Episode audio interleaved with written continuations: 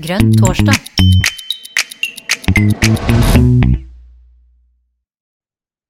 Velkommen til Grønn torsdag.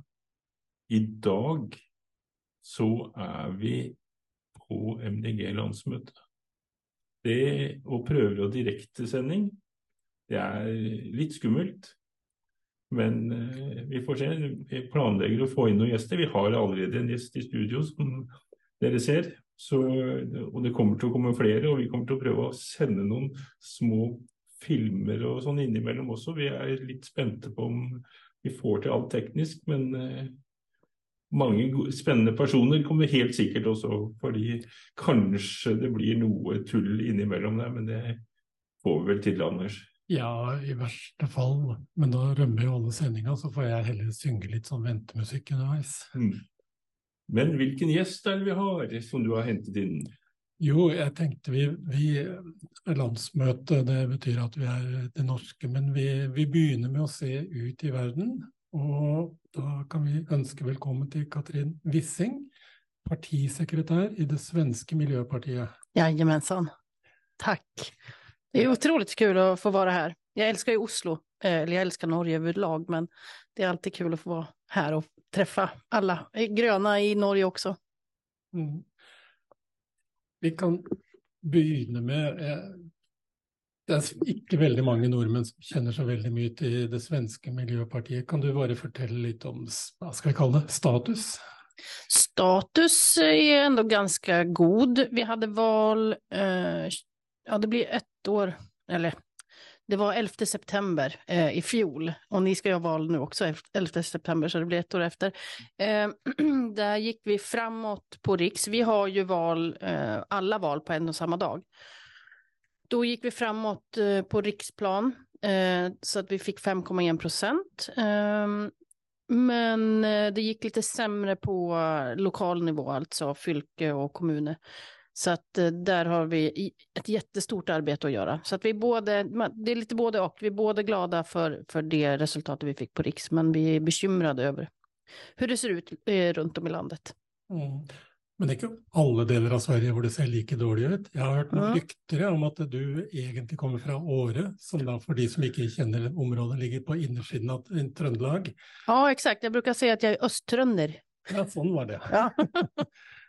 Så, og der gikk det vel egentlig ganske bra? Ja, altså Åre kommun da, eh, der har vi vært ganske sterke i tre val i rad, eh, så at vi har ligget ganske bra. Det er altså den tredje sterkeste kommunfestet i hele Sverige. Eh, nu har jag, alltså jag vet ikke om det var for at jeg forsvant da, som det økte i fortroendet der, men, men de gikk opp til 10,6 procent. Eh, og, og det är ju väldigt intressant att eh, de starkaste kommunerna som vi har i Sverige i just Miljöpartiet, det är Jokkmokk som ligger längst upp. De har 15-16 procent. Sen har vi Gällivare som ligger grannkommun med det och sen på tredje plats så kommer Åre. Så att det är ju liksom inte, det är inte Stockholm som är våran starkaste fäste på det sättet procentuellt kan man ju säga i alla fall. Mm. I Norge så är det väl motsatt? Ja, det, her er det ting både svenskene kan lære av oss, og vi av dem, for hvordan man kan få hva skal vi si, spre budskapet til nye områder. Ja, nei, men exakt. Jeg tror at en av de aller viktigste sakene er jo at man er veldig Alltså att man är, är där ens väljare är, alltså att man har lokala frågor som man faktiskt driver och, och håller fast i under en längre period. I Åre vet ni ju, det är ju ganska mycket turism eh, och väldigt mycket natur och, och fjäll och sådär och då är det ju naturligtvis så att eh, det blir mycket exploatering. Ganska många norskar faktiskt som kommer och ska ha luxusboende. Eh, så att eh, det finns liksom eh, bra lokala frågor som man kan driva og holde fast i. Mm. Det er litt sånn rart. Altså, vi, vi, mener jo at vi har gode saker på bygda i Norge også, men det er jo noen få steder vi får gjennomslag, men ikke til de grader så bra som det dere har. Det er spennende, tenker jeg. Så, ja, men visst fikk ni, det var en ganske god opinionsmøtning i Trondheim bare for noen dager siden. Ja, men det er en by. Ja, ja, ja, jeg vet at det er en by. Jeg bor jo granne med det nesten. Nei, for det, det, det, er en ganske stor forskjell på Sverige og Norge sånn sett. Mm. Og jeg blir jo veldig misunnelig når jeg hører 10,4. Det er liksom bare in your dreams. 10,6 til og med. Ja, ja, ja. ja. det er enda mer lenger ut i drømmene. Så, ja. Det, vi, Nei, det... vi, håper på liksom 2-3% i den kommunen jeg bor i. Mm. Jeg og, og partisekretæren for, for, de norske grønne, Torkil, jeg bruker si at jeg er den roligere versionen av honom, altså mer morsom. Ja. Eh, men eh, vi, vi har en, en dialog om det her och där vi har pratat, han har også lyssnat på eh, företrädare från både Jokkmokk og eh, Åre då, där ja, man, man pratar om de här sakerna. Vad är det som gjør at man faktiskt eh, får et starkare stöd ute på landsbygden? Men det er jo ikke bare frågorna som man som man driver lokalt. Man måste också visa, man måste det med, med politikk fra riks. Mm. Eh, jag vet ju att eh, här är väl också samma sak med bensinpriserna, även fast ni har eh, ganska goda förutsättningar för elbilar.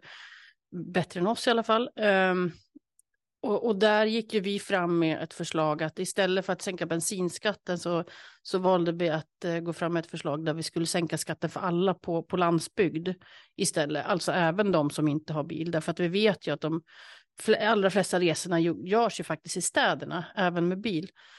Så att, eh, att sänka bensinskatten är ju inte något väldigt träffsäkert, men däremot att sänka skatten för alla på landsbygd som faktiskt behöver ha bilen och som då kan göra att man faktiskt skulle kunna ställa om och, och köra, köpa en el eller, eller biogas eller vad det nu må vara. Och det var ett väldigt eh, effektivt, eh, effektivt verktyg också. Mm. Fick det genomslag? Eh, Nja, jo, det, det, var ju bara vi som hade eh, den typen av alltså förslag. Alla andra partier ville ju sänka bensinskatten, så att det var ett väldigt sånt krig. Eh, men, eh, och, och, klimat och miljödebatten i Sverige i valet, den, den snuttifierades ju till kärnkraft mest. Så att det blev ju det blev lite slagsida åt, åt den typen av eh, mm. diskussion. Vad slags ståndpunkt har dere till kärnkraft? Alltså det beror ju på, eh, om man tittar på partiprogrammet då som är, som är tio år gammalt, då, har vi, då ska vi lägga ner. Eh, då ska vi avveckla. Men däremot så ingick vi en, en överenskommelse, en energi, energiöverenskommelse 2016 med andra partier där, eh, eh, där vi inte ska lägga ner, utan där vi liksom, men vi, ska in, vi vill ju inte starta ny kärnkraft. Så kan vi väl säga. Jag var ju här på landsmötet i fjol också och då hade ni en diskussion om kärnkraft just. Mm. Eh, nu har ju vi en annan, annan situation i Sverige där, där kärnkraften är eh, mer på tapeten. Vi har ju kärnkraft, det har ju inte ni.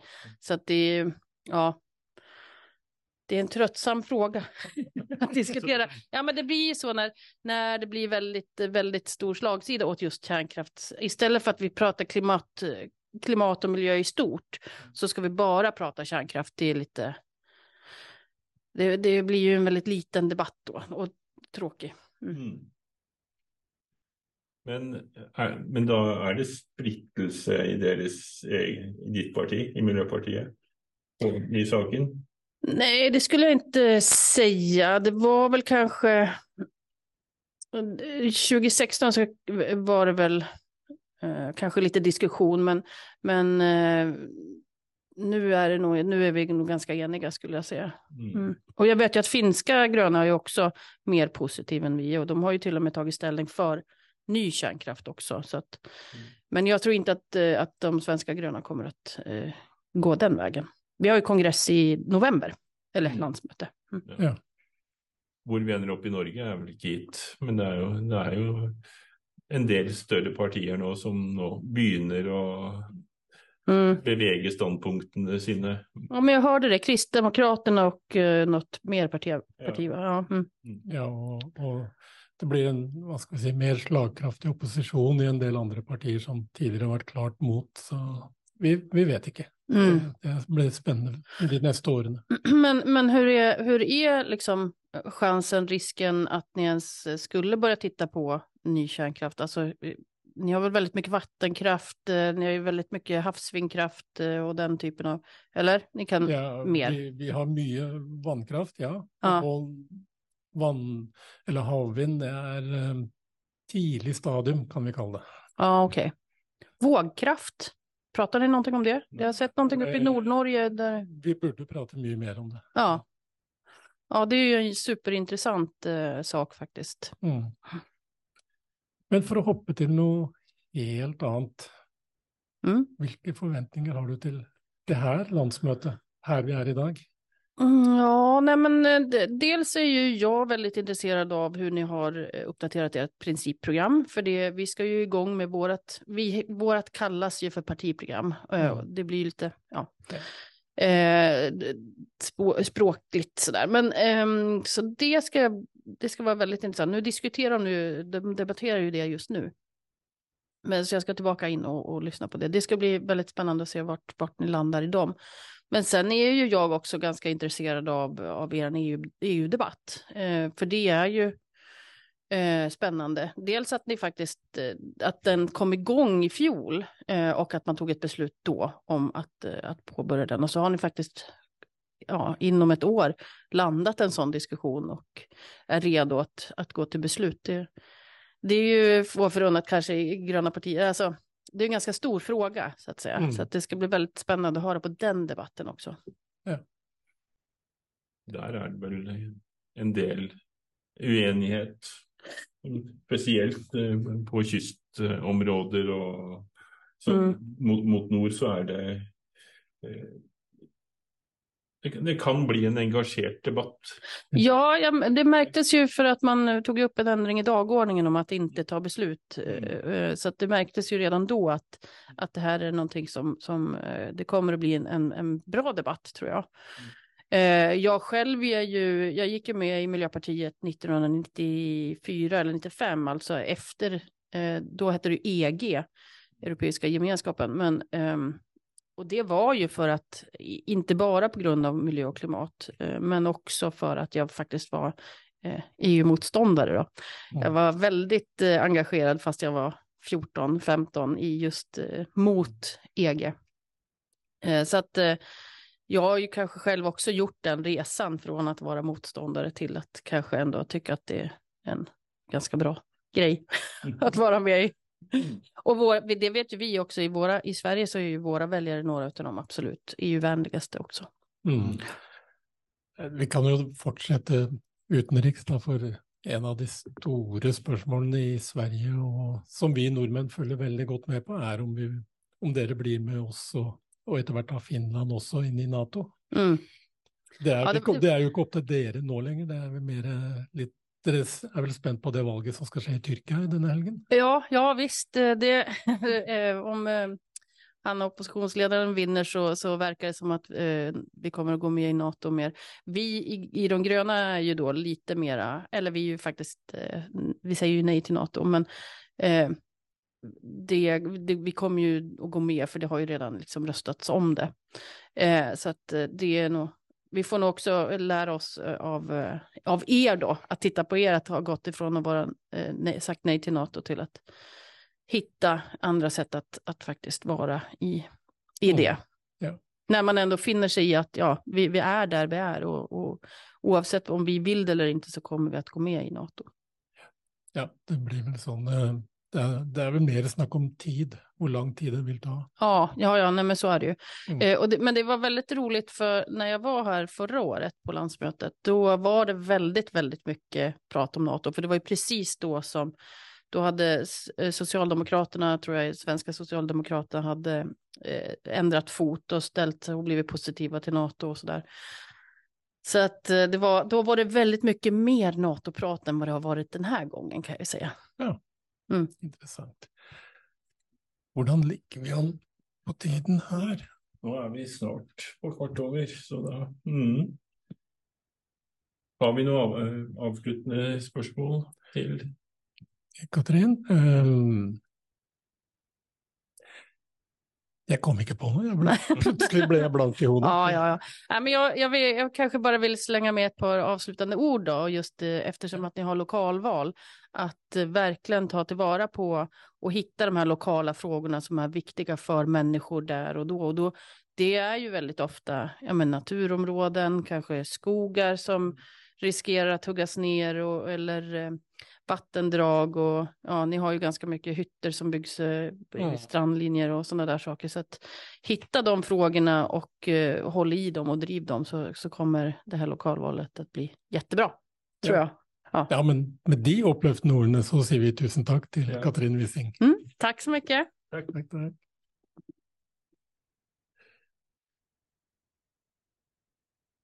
Da, eh, mens vi har et lite scenebytte her, så tenkte jeg kunne Jeg snakka med partisekretæren, og jeg tenkte jeg skulle prøve å Eller Anders har snakka med partisekretæren. Så jeg tenker vi kunne ta en liten kikk på det.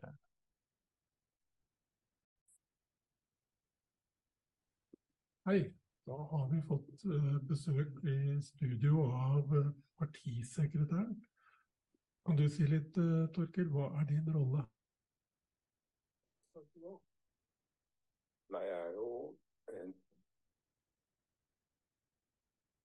eneste faktisk på hele landsmøtet som har møtt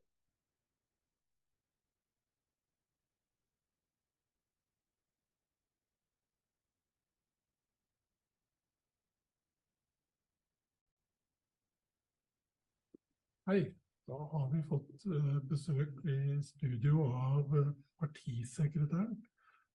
Kan du si litt, Torkil, Torkel, hva er din rolle her på landsmøtet nå? Nei, jeg er jo eh, den eneste faktisk på hele landsmøtet som har møteplikt i dag opp på landsmøtet, ifølge vedtektene. Og det er fordi jeg er ansvarlig for å få gjennomført hele møtet. Det er alt jeg er som partisekretær, så er sekretær for landsmøtet. Skal sørge for at eh, alt er på stell. Og så er jeg heldigvis veldig mange flinke folk i sekretariatet som gjør mesteparten av jobben. Så min hovedoppgave i dag blir å noen sånne formelle åpningsoppgaver, konstituering, og sørge for at folk eh, både er trygge og reglene blir fulgt da, i løpet av dagen. Så du har møteplikt, så du, du kan, har ikke lov å bli veldig syk og brekke bein eller noen ting? Da. Nei, Jeg har tenkt mye over det, at det står i vedtektene. Liksom, det står at de og de har stemmerett, de og de, og som partisekretær har ikke stemmerett, men møteplikt. Så det, hvorfor det var sånn, om det var en eller annen gang at partisekretæren lurte på om han ikke skulle møte på landsmøtet eller noe, det vet jeg ikke. Kanskje det var en eller annen partisekretær som plutselig fant på noe annet? Ja, ikke sant? Men, men nei da, dette er jo på en måte eksamen for meg, eh, på mange måter. Det er en av de viktig, klart viktigste arrangementene i partiets årshjul, og setter jo stemningen. Og er, er vel liksom ikke bare det som skjer i møtet, men også rundt møtet har veldig mye å si for hvilket inntrykk og hvilke, hvilken følelse folk har av eh, hvordan partiet er, og hvordan det fungerer, og hvordan det er å være med i partiet. For alle de nye som kommer, men også for de gamle. Mm. Og det viktigste, det er viktig, veldig viktig med de nye unge, at de blir følt velkommen og, og ble tatt veldig, veldig godt imot, er det ikke det? Jo, absolutt. Og de har jo eh, De unge har jo ofte et ekstra opplag, men det som skjer ofte, er at vi, og som vi har snakka litt om, er at det også er en del eh, som ikke har vært i politikken før, som kommer inn i eldre alder, eh, og som nå er på sitt første landsmøte. Og Det er lyd ute. det eh, hvordan vi skal si sikre at de får et, en god velkomst, og ikke bare masse stammespråk, er også viktig for oss, eh, rett og slett. Eh, Jeg husker mitt første landsmøte. altså Jeg var, ble innmeldt, i- eller ble innmeldt, jeg meldte meg inn sjøl i 2019 og var på det landsmøtet det året. Mm. Eh, Jeg kjente ikke veldig mange, Nei. Og det er jo, Men- går jo fort. Ja. Mye. men jeg ble tatt veldig godt imot. altså Det ble vel, var lett å bli kjent med folk. Ja. Nei, det, og det tror jeg vi har klart å skape en kultur for. Og det håper jeg å oppleve sånn i år òg. Mm. Dette er ikke ditt første landsmøte som eh, partisekretær. Nei, men det er bare mitt andre fysiske. Fordi vi hadde jo disse digitale landsmøtene i, i starten av min periode, og så ble jeg valgt da i 2019. Um, men nei, det, er- det, er- jeg har vært på noen landsmøter nå og orga mye rundt dette, så nå begynner det å bli litt rutine. Rett og slett også på den siden. Yes. Men da sier vi tusen takk til deg. Dette var eh, nok en liten inspirerende tale fra partiet. Så hyggelig. Sånn. Da håper jeg at eh, lyden gikk greit ut på Anders sin samtale med Torkil. Og nå har vi fått enda en ny gjest her. Dette blir spennende. Hvem er det du har dratt inn nå, Anders? Nå har vi dratt inn uh, Susann. Susann Michelle Rødseth. Susanne heter hun vel. Unnskyld. Det går bra. Jeg har bomma før, jeg, på navn, så det går bra. Eh, for meg, i hvert fall. Eh, Susanne har kommet hit og har så lyst til å fortelle oss om det grønne funkisnettverket. Det stemmer, du nikker, og da har jeg fått eh, det riktige begrepet på nettverket. Mm. Så kan ikke du begynne å fortelle litt om hva det er, og så kommer Jon og jeg på med noen spørsmål underveis. Ja.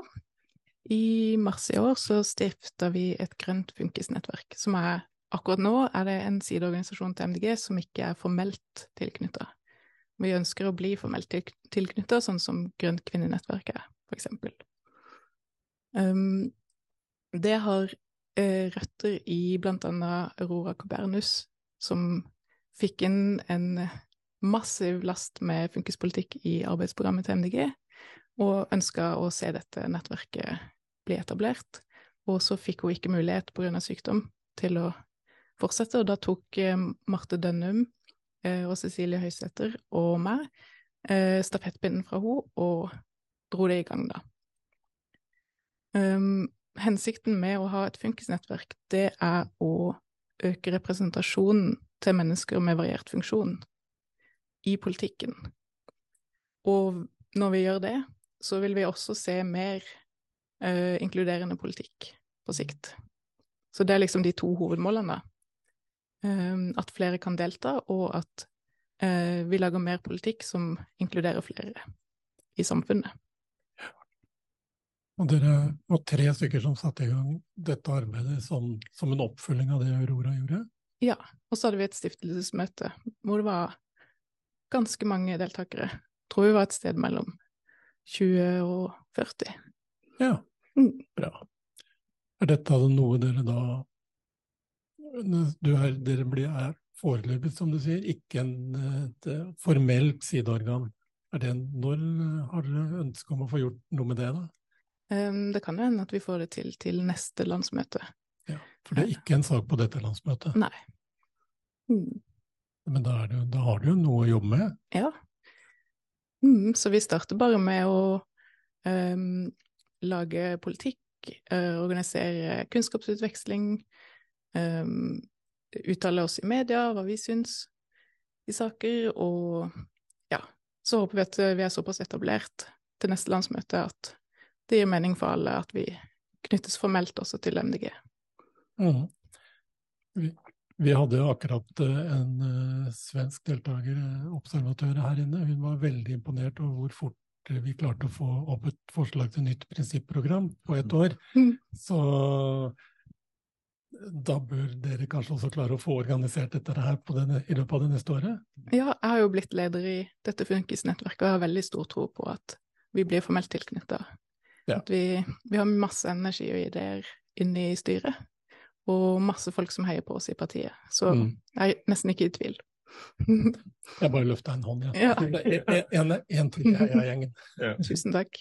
Ja. Mm. Men det, dette innebærer jo eh, vedtektsendringer, så det krever jo en del ekstra arbeid. For da er det jo ikke liksom, liksom bare et sånn enkeltflertall, så skal man ha to tredjedels flertall. Så mm. da, det er nok viktig å starte det arbeidet allerede nå, da. Mm. For at de som da skal være delegater og sånn, er, er, kjenner til dere og skjønner hva dere egentlig spør om. Mm. Og, for det har jo vært eh, opp gjennom åra litt sånn forskjellige diskusjoner knytta til sånne forskjellige grupperinger. Da, sånn, hvor tett er de på? Mm. Så, men eh, her må man jo bare jobbe som på alle andre områder. Så. Mm. Mm. Jeg tenker jo at det er veldig viktig med representasjon i politikken fordi at det er veldig vanskelig å forestille seg eh, hvordan andre opplever livet sitt og lever i verden. Eh, man kan forestille seg til en viss grad, og så eh, kommer man litt til kort. Eh, men hvis man har alle slags mennesker i politikken, så eh, får man flere perspektiver og ja, det blir vanskelig å prioritere ned eh, en opplevelse til noen som er i rommet. Mm. Nei, det der med eh, innsikten i andre folks liv, det er, eh, det er veldig vanskelig å, å, skjønne hvilke utfordringer de forskjellige folk har. Altså, man, hvis man får et eller annet sjøl, så skjønner man det litt innenfor det området, og så stopper det der. Det føler, føler i hvert fall jeg. da. Mm. Ja. ja um, jeg, jeg, jobber jo et sted hvor vi har en del sånne hva skal jeg kalle det, tiltak for at uh, folk skal kunne forstå. Vi har noe som vi kaller empatilunsj. Mm. Hvor man da blir, uh, for å simulere blind, så får man på seg uh, mørke briller, altså sånn type slalåmbriller som ikke er gjennomsiktige. Og så har man med seg en ledsager som skal vise man hvor maten er enn i kantina, og litt sånn forskjellig. Og, og, du har Man får til eh, Eller simulerer eh, over en times tid bare, men allikevel, det er et eh, Vi, vi syns det er eh, syns litt synd på de som går rundt og skal ha en sånn, være med på empatiløp. Vi ser hvor vanskelig det er, og så har vi flere av oss som har vært gjennom det sjøl også, husker at oi ja, det var der, ja. Mm. Ja, jeg tror det er veldig nyttig å gjøre noen sånne øvelser for å skjønne hvor mange ting det er som man ikke vet at man ikke vet. Ja. Ikke sant? Og noen av de problemene vi ser i dag, er ganske alvorlige. Eh, mange ting som folk tar for gitt. Eh, at andre At de kan ta for gitt i sin hverdag, det er andre utestengt fra. Sånn som eh, noen kan være utestengt fra å ta kontakt med legevakta. Man kan være utestengt fra å delta i en bystyresal som folkevalgt. Eller man kan være utestengt fra kollektiv. Og det har jo helt ekte konsekvenser for livet. Det gjør det krevende å få helsehjelp, å delta i demokratiet, å komme seg til og fra en jobb eller sosiale aktiviteter. Og det er jo på en måte hele livet. Så det er ganske alvorlig når man må be om tilgang på helt vanlige ting, og viktige ting.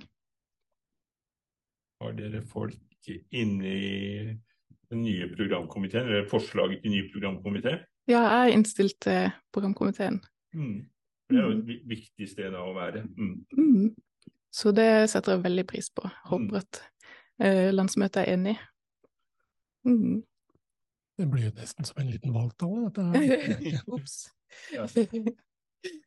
Nei, men du er innstilt, så pleier det ofte å gå bra, da. Så. Men når eh, det både du, Anders, og jeg, og jeg, jeg har jo vært, unnskyld, jeg har vært i arbeid med å lage lokale programmer. Har å har du, har du greid å få inn noen formuleringer som eh, kanskje skal... Susanne har vært klar på? Glad for å få med? Eh, ikke spesifikke programpunkter, er jeg redd. Mm. Eh, så det er veldig bra å få inn et sånt nettverk som kan være med å holde meg litt i øra, eller iallfall sende de gode tipsene. Mm. Jeg får ofte, vi, inn, vi, var veldig tidlig ute med programmet, vi hadde det ferdig ja, det er ikke så lenge siden, men råutkastet var ferdig ganske tidlig i år. Mm. Og så kom alle de gode tipsene i etterkant. Mm. ja, En ting som vi har veldig lyst til å gjøre, eh, og har klart til etter valget, det er å samle inn eh, gode forslag og eh, formuleringer som folk har fått igjennom i sine eh, folkevalgte organer, og så eh, at man kan gjenbruke de ja. flere steder. Ja. Sånn at man eh, slipper å finne opp alt på nytt. Og der er jo sånne nettverk og sånne hva skal jeg kalle kunnskapsmiljøer eh, en viktig bidragsyter må være. Mm. Det, nei, det vi har, det er mer de generelle uh, formuleringene om at tilgjengelighet for alle og BPA når det er nødvendig. Altså den ordningen må ja, sannsynligvis få mange flere midler osv. Mm. Ja, det er et, et, veldig viktig punkt for oss er at BPA-en må få øremerka midler, og at det må være likt i hele landet. Så det tror jeg også vi har i det nasjonale programmet, i hvert fall at uh, det bør være en statlig ordning. Ja. For de av våre seere og lyttere som ikke vet hva en BPA er, så er det står for brukerstyrt personlig assistent. Mm. Det vil si at du har en som er med deg som du den som trenger vedkommende, som styrer hva den skal gjøre, ikke kommunen eller noen andre. Mm. mm. Men det er vel kommunale penger, er det ikke det? Nå er det det. Ja, og det er jo da er det avhengig av kommuneøkonomien som så mye annet. Så det... Og da blir det veldig forskjellig fra sted til sted mm. om man får mye hjelp eller ikke. Mm. Mm. Nei, skal vi si at uh, jeg er fornøyd Ja, hvis ikke Så- Susanne har noe mer å legge til? Men jeg kan bare si at uh, for oss er det kjempeviktig at uh, menneskerettighetene for mennesker med nedsatt funksjonsevne blir tatt inn i norsk lov. Fordi at akkurat nå så har Norge fått kritikk av eh, FN for å se på mennesker med funksjonsnedsettelse som mer sånn pa brukere og pasienter, mer enn borgere, som har rett til likestilt deltakelse. Mm. Så det er kanskje noe av det aller viktigste. Det er jo en stor forskjell, ja. Mm. Tusen takk. Lykke til i det videre arbeidet. Tusen takk. Nei.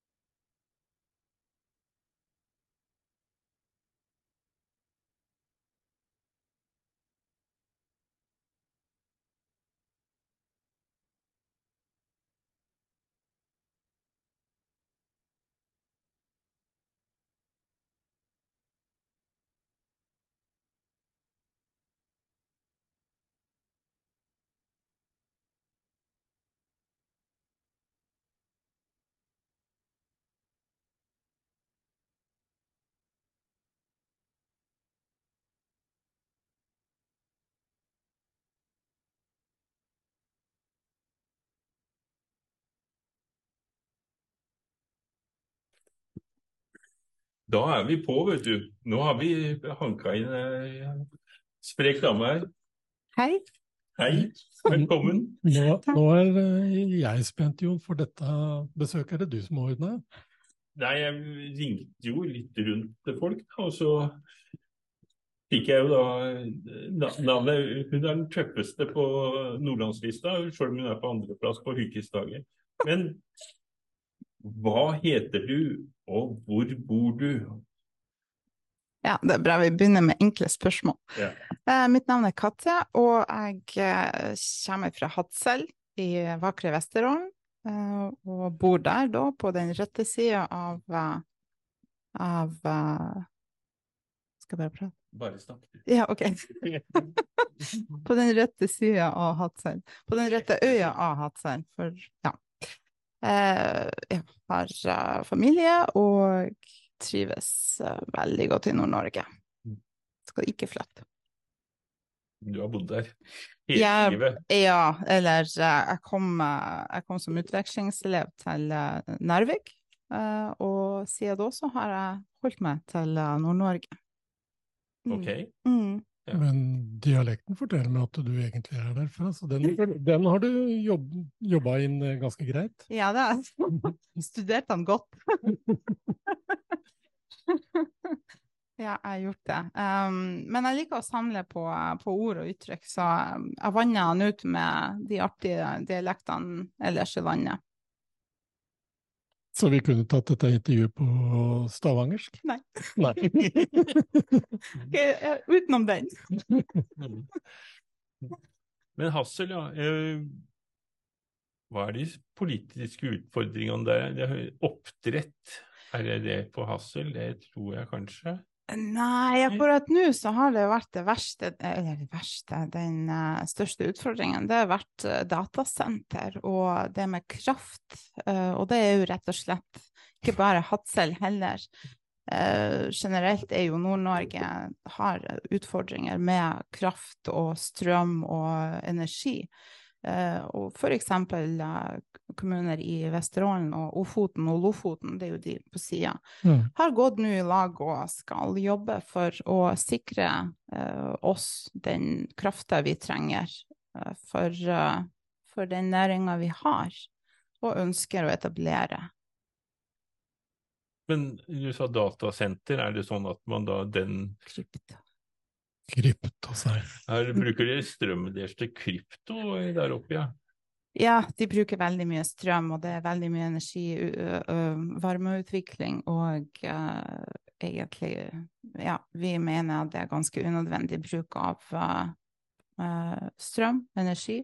Og uh, selvfølgelig også går det på arealutnyttelse og arealet som blir da tatt av slike etableringer. Men overskuddsvarmen, blir den brukt? Mm. Det, er, det, det, har også vært en del av diskusjonen. Ja, og her er det kommunalt, kommunalt kraftverk som da tjener pengene på strømmen, eller? Ja, det kan man si. det er i hvert fall ikke naturen som tjener på det. Mm. Nei, der jeg bor, så er, bruker man eh, strøm til sånn TikTok-videoer, da. ja, det er jo heldigvis forbudt, da. ja, men det er ikke forbudt å sette opp datasenter som eh, Nei, jeg mente TikTok, da. ja, ja, men vi har jo et lokalt, eh, lokalt anlegg som skal dekke mye av Vest-Europa på TikTok. Ja, eh, men eh, med tanke på eh, sikkerhet, så er det flere og flere bedrifter som går inn på å kutte TikTok på mobiltelefoner og andre enheter mm. innenfor bedriftens mm. men, det, men, det, er fremdeles mange private telefoner der ute, så Ja, det det er nok det, ja. Mm. Jeg har ikke TikTok. Nei, ikke jeg heller. da er det bra. Men i tillegg, da, så, Nå skal jo dette handle mest om, om, deg, selvfølgelig, men jeg kan jo nevne at uh, på der så har de i tillegg da tenkt å bruke overskuddsvarmen til krokodillefarm. Ja, hvorfor ikke? Krokodillevæske! ja, nå sporer vi helt av. Nei, jo Vær så løst. Ja, nei, det, var, det, er ikke sagt hva dette skulle brukes til, da, men det var, altså, hva disse krokodillene skulle gjøre. Men det var sikkert, sikkert skinnet på en eller annen måte. Ja. Men du står da på andreplass på fylkeslista. Sto ja. du på eh, Det er lokalliste også? Ja, jeg er nok det. Ja. Eh, jeg er nummer tre på lokallista. Er dere inne i, i Hassel kommune i dag? Ja, vi har, vi har fordelt oss godt, sånn at det ser ut som vi er ganske mange. ja, Men vi har egentlig én plass. Vi har en i kommunestyret, og så har vi en i hovedutvalg teknisk. og uh, omsorg. Helse og omsorg. Mm. mm. Men hvor mange mennesker bor i Hassel? Det tror jeg ikke jeg vet engang. Ja, vi er litt over 8000. Ja. ja. Uh, og så har vi jo et, ja, et koselig lag med uh, eh, 23 personer. Altså lokallaget MDG. Ja. Så med tanke på hvor mange vi er, og hvor mange vi er i lokallaget, så er, ja, så vi er godt rusta. Ja, absolutt. Ja, det er kjempegode folk. Mm. Mm. Eh, hvis jeg husker riktig, så var Hassel kommune en av de som man kjempa for å få stilt liste, og det var i siste liten ved forrige valg. Kan det stemme? Eh, det tør jeg egentlig ikke si, for jeg, jeg meldte meg inn for ja. et, litt over et år siden. Ja, nei, for... Det kan godt være. Ja, nei, jeg, jeg, jeg, sitt, jeg, satt i landsstyret da, og da var det noen ringerunde, og da var det For det var rett før fristen, da, 1. april, og da husker jeg jo, nå er vi inne der! Jeg, tror, jeg, tror, jeg tror ikke jeg bommer da. Ja. Ja, det kan godt være, men uh, vi er jo veldig glad at vi har kommet inn. For uh, vi hadde jo en evaluering, kan du si, av hva vi har gjort gjennom disse fire årene. Mm. Uh, med tanke på lokallagsprogram videre til valget i år. Og vi har gått gjennom lista og sagt hm, vi har jo egentlig utført ganske mye på lista, pluss at vi har uh, påvirket um, på en positiv måte uh, valgene kommunestyret og, mm. og uh, ja, um, teknisk hovedutvalg også mm. har gjort i flere saker. Og, og, vi har jo fått litt skryt og støtte at ja, ja, dere er flinke. Og det er mm. jo en god klapp på skulder, så da ja, men, da er vi verdig. Ja, og det, mm. det, er jo Altså, det gir jo pågangsmot, det, for en ny periode, selvfølgelig. Og, og jeg syns jo det er glimrende, det dere har gjort da med fordele de ulike vervene ut, og, og, noe som også betyr at de folka som sitter i de posisjonene, er nødt til å samarbeide eh, underveis. Ja. eh, jeg må skryte ut av vårt samarbeid um, med de folkevalgte, og egentlig eh, ja, eh, med styret også. Eh, veldig flink til å backe unna hverandre, og vi sitter jo med veldig forskjellige kompetanser alle sammen. og eh, det er jo veldig mange saker sant, som gjelder både helse og skole og uh, tekniske løsninger og, næring og utvikling.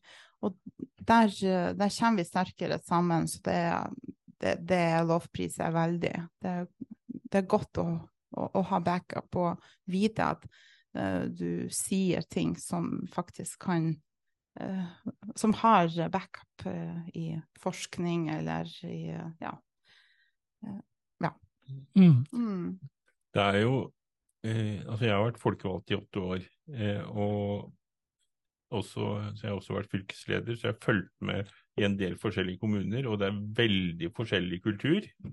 Overraskende, og noen steder er det veldig ugreit, rett og slett, med kulturen. Dårlig altså Folk er slemme mot hverandre, rett og slett. Men andre steder så blir man godt tatt imot. Og det høres jo ut som dere har blitt godt tatt imot i Hassel. Det, det, er ikke, det er ikke av de kommunene hvor man eh, Ja, jeg vet ikke hva slags ord jeg skal bruke, da, men det, det er, det er, noen gjengangere som det er virkelig ugreit å komme inn som eh, ny politiker, uansett om du er da fra MDG eller om det er Spesielt om du er ung dame, da, så blir det jo helt Ja. Ja, absolutt. Um, jeg tenker at uh, vi har jo kanskje kommet oss litt ifra den mm. tanken at man skal uh, kjempe seg fram. Her jobbe, må jo folk jobbe sammen for et felles gode, sånn at Hadsel kommune ikke eh, stagnerer og faktisk har noe å tilby sine egne eh, innbyggere. Så det er veldig mye samarbeid og veldig mye positiv uh, Selv om man er imot noen forslag, så, så, diskuteres det godt. Og det diskuteres faktisk veldig fint også, som i, i de gruppene. Mm. Både i lokallaget og med de andre politikerne i kommunestyret og, og utvalg osv. Mm. Ja. ja. Mm det kan godt hende at det finnes uh, noen gnistinger. Det må man jo nesten ha. Hvis, hvis, alle er enige, så er det jo ikke en diskusjon. Nei, da hadde alle vært medlem i MDG. Ja, ikke sant? Alle, alle altså, vi, vi, tar alle med åpne armer. Men uh, for å hoppe til noe annet. altså Du har vært inne på, vi har snakka bitte litt om forskjellige politiske saker. Men uh, hvilke saker er det Katja brenner for? Som ligger ditt nærme, hjerte nærmest? Ja, mitt hjerte ligger vel uh, i, i, bærekraftig stedsutvikling. At vi har steder for alle. Ikke alle som skal bo i, en i et tettsted som Stokmarknes, eller by Stokmarknes, men at alle har mulighet til å ha en trygg plass å komme og samles og ha et godt liv i bygda eller i byen. Eh, og det er vel det jeg veldig brenner for. Um, det er én ting. En annen ting det er den medvirkninga som innbyggere må få um, mer ut av for alle de sakene som blir bestemt. Uh, alle planer som blir uh, vedtatt. Uh, jeg syns det er mangelfullt, men vi har en vei å gå. Men jeg tror vi er på rett vei sånn nasjonalt. Men i en sånn kommune, er det nå noen skolestrukturdebatter som gjør at disse lokalstedene blir litt eh, utfordra? Klart. Det Vi er jo ikke unike. Nevn den kommune som ikke har lagt ned i skole. Det er dessverre sånn. Um, Eh, og det er jo derfor jeg brenner for, for at vi har en sak uh, nå, har vært nå snart i over et år, uh, der det er en skole, det er en bygd som på en måte har Altså de blir fratatt alt, på en måte, hvis skolen blir lagt ned. og der samarbeider vi veldig, og vi er veldig flinke til å pushe litt innovative løsninger. Det må jeg skryte ut av oss. Uh, og der samarbeider vi veldig godt, alle politikere, uh, for at uh, vi alle innser at det er, det er nødvendig å ha en bygd som, eh, som folk trives i. Mm. Ikke sant? Det er, vi kan ikke avfolke alt. Vi kan ikke, vi kan ikke bare stenge ned en hel bygd. Det, det er bare det er, ikke- det, det er ikke sånn det skal være. Men er det butikk der? Eh, det er vel lagt ned. Ja, det er Men der er, der, der er en eh, viss vekst. Men Mm. da må jo kommunen også være veldig flink til å på en måte tilrettelegge for den sosiale infrastrukturen. For det går ikke an å bare ha en næring, det går ikke an å bare ha en restaurant. Sant? Det her henger sammen, alt sammen. Mm. Og der må kommunen eh, bruke sin eh, styringsrett og, og finne ut nå skal vi utvikle dette stedet. Det skal ikke mye til. For at um, på sånne små plasser så er det jo gjerne sånne rare næringer med ja, altså ikke rare næring, men sånne nisjebedrifter. ehm, folk som eh, tenker annerledes, folk som er innovative. Det er der bærekraften ligger, sant? Ja. Det høres jo ut som du bor på et sånt sted. Ja, ja, ja, men det er, er jo vakt med, så det går bra. Nei, jeg bor utenfor bygda, så Ja, du gjør det, ja. ja da. Men uh, jeg, brenner, jeg brenner jo egentlig for alt. Jeg vil jo også ha sentrum i Stokmarknes, som er vakker og fin å komme og, og, og eh, interessant å komme til. Uh, så det er jo ikke bare bygda. Jeg vil jo ha alt fint. Mm. Mm. Er du litt, litt sånn skal alt Ja! Svømme fra andre veien. Ja, jeg vil at alle Jeg vil at alle skal ha det bra, og alle skal være fornøyd, og ingen vil måtte flytte pga. at uh, skolen er stengt ned, eller at Mm. sykehuset for guds skyld er lagt ned. Mm. Det er jo også en kamp nå at Helse Nord prøver å begrense muligheter på Stokmarknes, men den tror jeg ikke vi skal snakke så mye om. Det, det brenner ennå.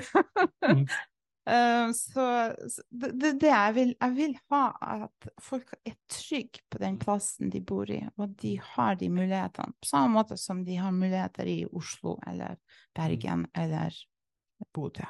Mm. Men hvorfor, skal du på fyll, hvorfor vil du på fylkesting overfor deg? Nei, det var en spøk. Det var et litt interessant svar.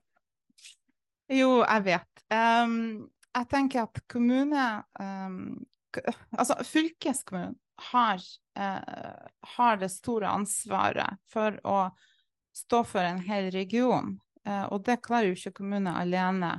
Og, og for å få alle kommunene til å på en måte samarbeide, det er en lang prosess, og det er ikke alt som kan gå uansett, for det er store avstander, i hvert fall i Nordland. Eh, Men fylkeskommunen har et særlig ansvar om å være den samlende punkt, på en måte. Å være den, den kunnskapen, den bauta, den støtte Mm. for de kommunene.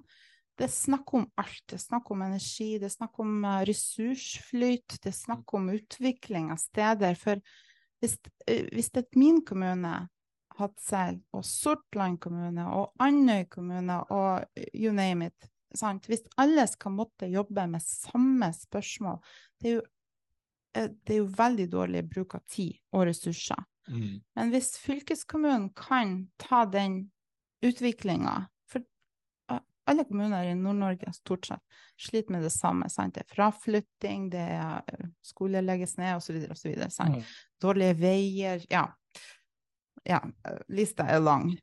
Men hvis fylkeskommunen tar den biten og på en måte løser de problemene på overordna nivå, så kan det være enklere for de kommunene å, å jobbe med, med, med sine utfordringer. På en måte med gode retningslinjer. Det er min tanke. Derfor er jeg der.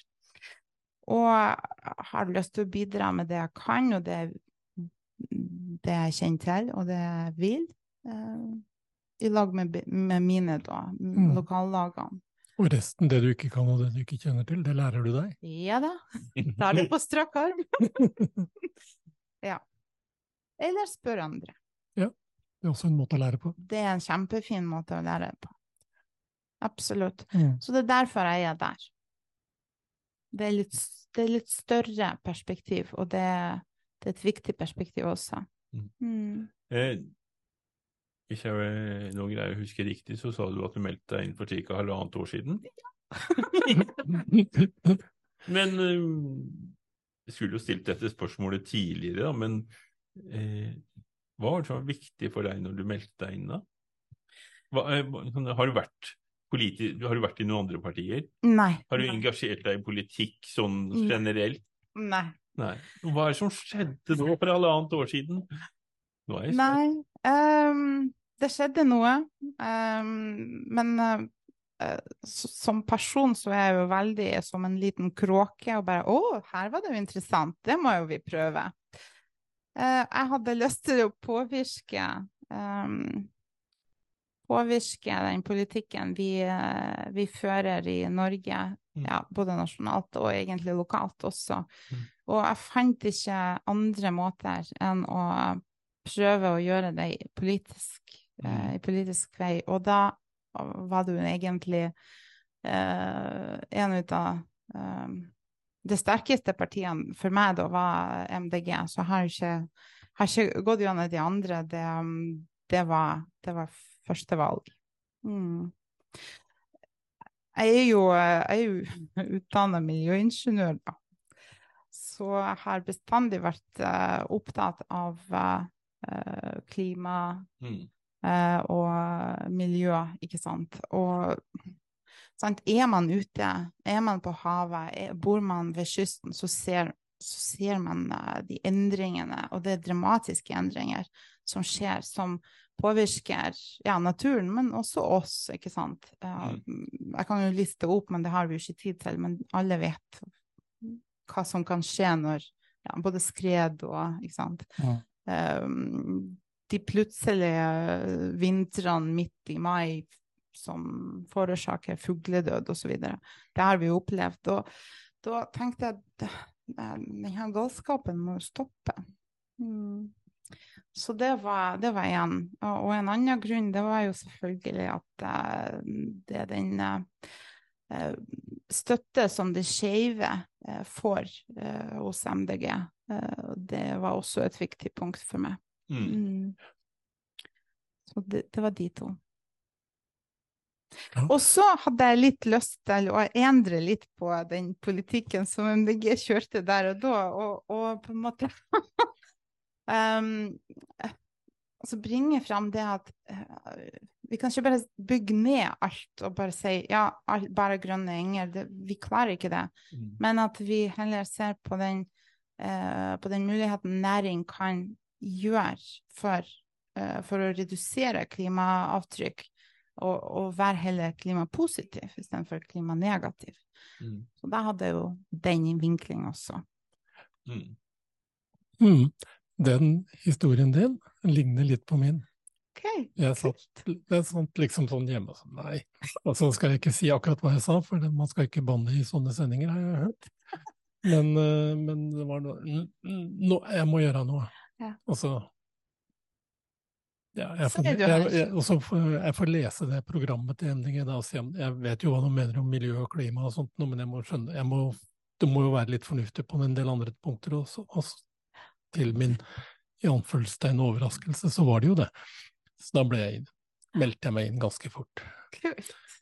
Jeg, Er det lenge siden? jeg, ja, det blir fire år siden, og det er gått over fire, litt over fire år siden. 2019. Vi satt hjemme, og så sa jeg til kona mi at du, jeg kommer til å melde meg inn, nå må vi ta en liten samtale her. Eh, for det, det betyr at jeg skal ikke være, bare være passiv, jeg skal være aktiv. Mm. Og så gjorde hun sånn, og så var det hele samtalen. Ja. Forslaget støttes. det var så bra.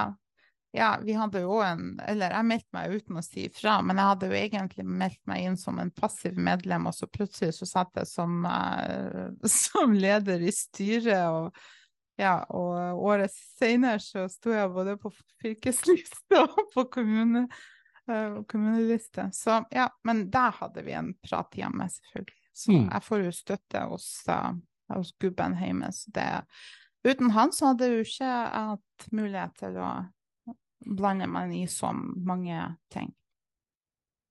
Så det er bra å, å ha den. Ja, ja, men det var hyggelig å få deg i studio. Ja, takk. Og mm, selv om det var første gang, så syns jeg det gikk veldig bra her.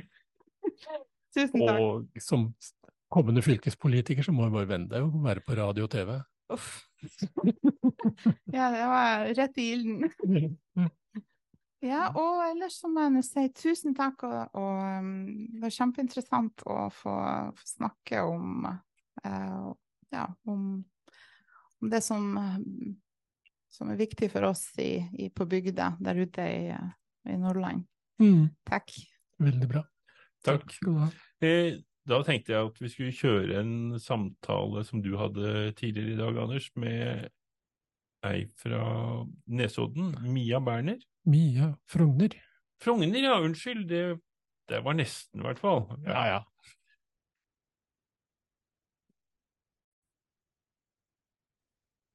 Hei, da har vi fått besøk i studio av Hvem er du? Mia Frogner heter jeg. Mia Frogner, og du Mm. kommer fra Jeg kommer fra Nesodden. Nesodden. Og så har jeg sett på det skiltet ditt at der står det både observatør, var det vel, og listetoppsamling. Det står faktisk delegat og listetoppsamling. Beklager for mye. Det, det skal aldri gjentas. Det går veldig bra. Jeg må få med øynene. Eh, Så hva, vi begynner med det første, da, delegatdelen. Eh, Hvor mange ganger har du vært delegat på et landsmøte? Dette er min aller første gang. Flott. Ja da, Gratulerer. takk. Jeg er veldig spent. Og har du noen eh, Er det noen av debattene eller, eh, eller avstemmingene du gleder deg mest til, eller eh, frykter mest, eller er mest spennende? Jeg, jeg syns egentlig bare det å være her er veldig spennende, i og med at det er mitt første landsmøte. Så jeg er veldig spent på å se liksom gangen i det, og kjenne på stemninga, og hvor det blir mest debatt. Tror jeg kanskje vet det, men jeg er veldig spent på øh, ehm, EU-debatten, selvfølgelig. Også faktisk prinsipprogrammet. Det er veldig viktige, gode nyanser der som er viktig å, å være enige om, syns jeg. Så det gleder jeg meg til. Kjempefint. Har du tenkt å si noe selv? Jeg har ikke planlagt noe, men hvis jeg blir engasjert nok, så kan det hende at jeg melder meg til en replikk. Ja, for det, talerlista er vel rimelig fulltegna. Den er rimelig fylt ennå. Da må du få finne en alliert som trekker seg og så sier at å nei, denne plassen skal ingen andre enn Mia ha. Men det tror jeg ikke du får. Nei, det tror ikke jeg heller. Men det er helt greit. Jeg har, nok mye jeg har lyst til å si, men jeg har også lyst til å få lov til å være ny denne Mm. gangen. Mm. Kjenner du mange andre fra landsmøtet? Er det andre fra Nesodden? Andre fra Viken regner jeg med at det er. Det er definitivt andre fra Viken. Vi er tre fra Nesodden. Ja. Så jeg kjenner de litt. Eh, Jeg er relativt ny i, i lokallaget også. Eh, Men så er det noen kjente fjes som jeg kjenner fra, fra før, som kommer til å være her. Så det gleder jeg meg til. Og så gleder jeg meg til å bli kjent med nye folk. Ja, nå kjenner du meg iblant. Nå kjenner jeg deg. Eh, Men eh, det leder meg over til den neste delen av denne, denne helga her, og det er listetoppsamling. Mm. Det betyr at du står ganske høyt på lista, det. Jeg står på andreplass på lista på Nesodden. Og i dag har dere hvor mange inne i kommunestyret? Fire. Gratulerer som ny kommunestyreleder. Kan jeg, har jeg Ja. lov å si det? Ja, vi hadde 14 ved forrige, forrige lokalvalg, så det, det ligger jo an til det, med mindre noe dramatisk skjer. Mm. Det lover bra. Mm. Gleder du deg til eh, å sitte i et kommunestyre og formannskap, kanskje? Og... Ja, jeg gjør det. Jeg syns det er eh, viktig. Jeg er jo ikke fra Nesodden. Det er veldig mye tilflytning til, til Nesodden. Jeg syns det er veldig viktig at vi som blir nesoddinger, også melder oss og er eh, involvert i å utvikle stedet hvor vi bor og barna våre bor, og for min del også foreldrene mine har flytta til. Så kjempeviktig. Mm. Er det noen Bare et siste spørsmål, da, som, eh, som kommunestyre... Vi sier at du blir kommunestyrer. Ja. Uh, har du noen hjertesaker, noe som du brenner ekstra for? Altså, det er lett å si klima og miljø, men, uh, men er det noe annet? Det er absolutt lett å si klima og miljø, men vi er jo omringa omtrent av Oslofjorden. Så eh, fjord og natur er eh, veldig viktig, også fordi vi bor ganske tett. Mange av oss som bor på Nesodden, bor ganske tett. Så å bevare 100-meterskogen og sånne ting er så veldig viktig for meg lokalt. Tusen takk, Mia. Dette Takk selv. var hyggelig å ha deg i studio. Ja.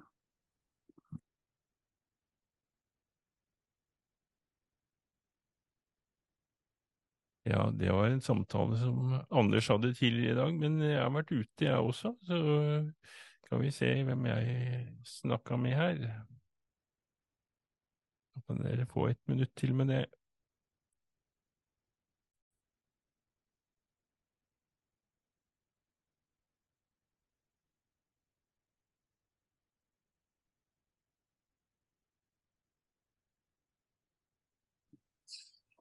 Hei, hvem er du? Jeg heter Helene Winther Gjerløv, jeg er førstekandidat for Sarpsborg. Og så er jeg gruppeleder i dag. Og Sarpsborg, det er i Viken, og plutselig er det i Østfold. Vi blir Østfold igjen, så det gleder vi oss veldig til. Hva skal du gjøre her på landsmøtet? eh, hva skal jeg gjøre her? Jeg skal gjøre ganske mye. Jeg skal bli inspirert, og så skal jeg møte masse hyggelige, grønne folk. Og mange som ikke har sett på lenge. Jeg har jo vært med i snart ti år, så jeg kjenner, kjenner en god del nå. Eh, og så skal jeg holde én tale under generaldebatten.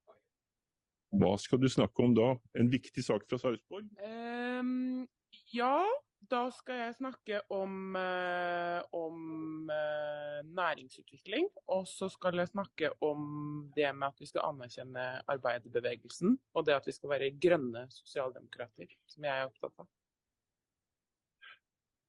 Er det noen saker på dette landsmøtet som du er ekstra spent på?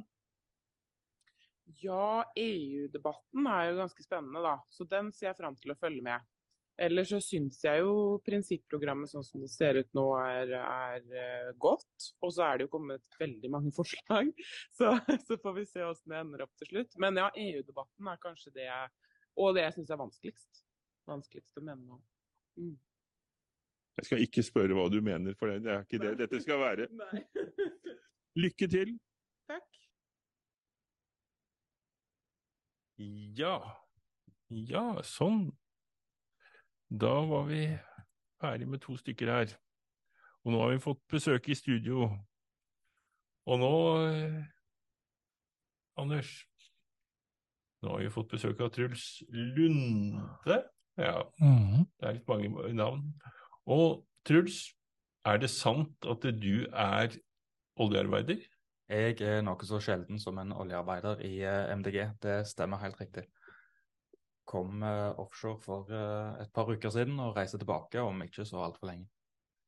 Hva er det du gjør for noe? Mitt selskap leverer automasjon og sikkerhetssystemer offshore. Alle signaler som går rundt på en oljeplattform, de er våre. Alt som skjer med de signalene, det er det vi som styrer. Så det svære kontrollrommet noen ser bilder av uh, offshore. Det er, det er våre systemer de sitter og bruker når de styrer hva som skal skje på plattformen. Spennende. Ja, så alt er ikke manuelt på, selv på en oljeplattform. Nei, å nei, det er veldig mye Det er mye folk som ser på at det er mye datamaskiner som gjør noe, uten å fornærme de på plattformen, som gjør arbeid, selvfølgelig. Nei, men eh, Jon og jeg kjenner oss igjen i det. Vi har begge to en bakgrunn i databransjen eller IT-bransjen. Ja, og du hørte vel ikke det, men jeg har jo faktisk da fagbrev som instrumentmekaniker. og Alle de jeg, jeg jobba sammen med da, de begynte ut, ut i Nordsjøen, så det, Mm. jeg hoppa. Mm. Men du har vel kommet her for å snakke litt om det du brenner for, eller det, det du er Ja. Det er ikke bare at du er oljearbeider, for da, da hadde vi vært ferdig med denne samtalen. Ja, nei, det, det stemmer det. Um, jeg, er ikke, jeg er heller ikke den eneste oljearbeideren. Jeg har funnet meg et lite nettverk i MDG. Ganske nyoppstarta oljenettverk. Med noen kjempeflotte folk som har sittet og skrevet om uh, det vi brenner for, som er industripolitikk, næringspolitikk, uh, spesielt olje. Vi har jo ikke den uh, mest aksepterte vinklinga i eh, oljebransjen på oljepolitikk. Eh, og det mener vi er rart, for vi har jo den desidert beste oljepolitikken.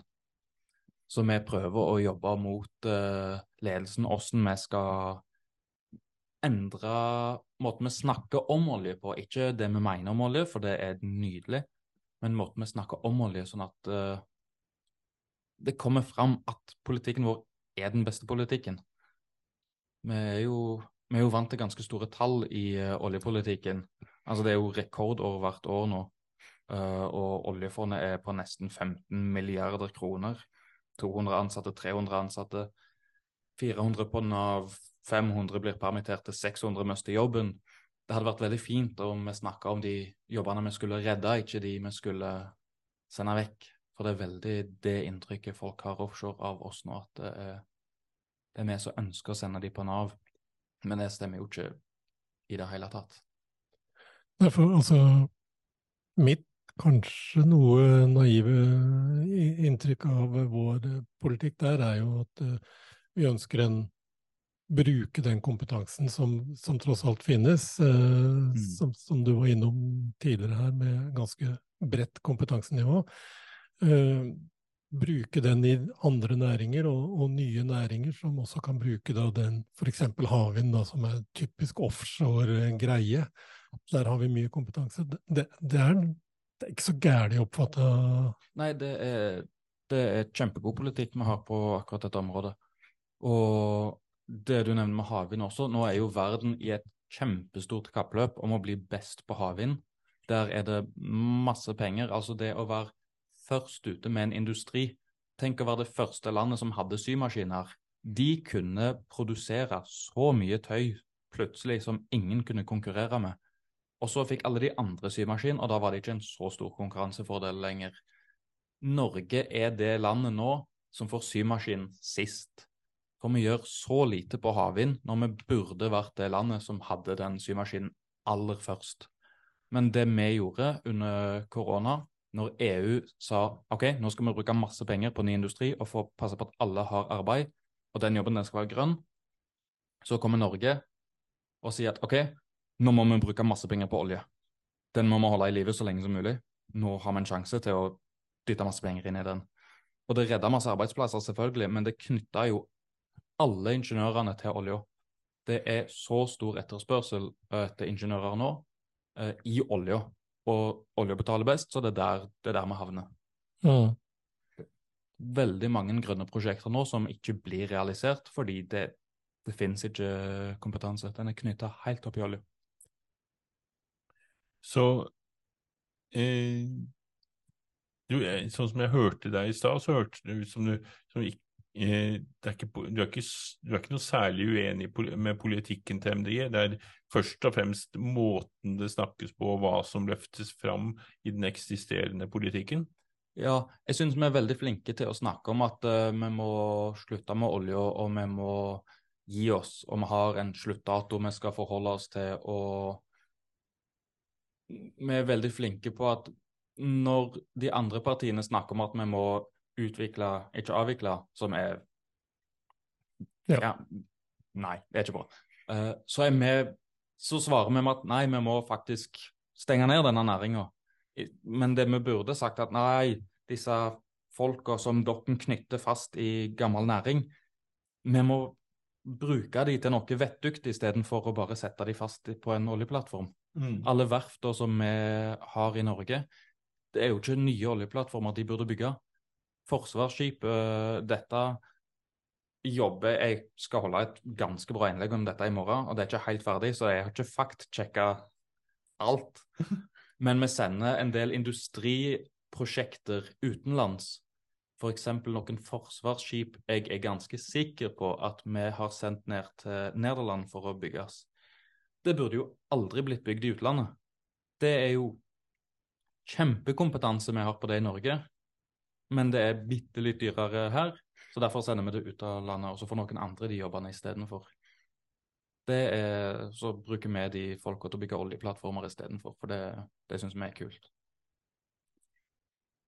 Og en av grunnene til at det er litt Det er flere grunner til at det er dyrere i Norge, men en av grunnene er da f.eks. oljeskattepakken, som gjør at oljeindustrien kan tilby høye lønninger til akkurat de folka du trenger for å bygge sånne skip. Ja, og det smerter egentlig ikke så mye for et oljeselskap å gi høye lønninger heller, for den store skatte...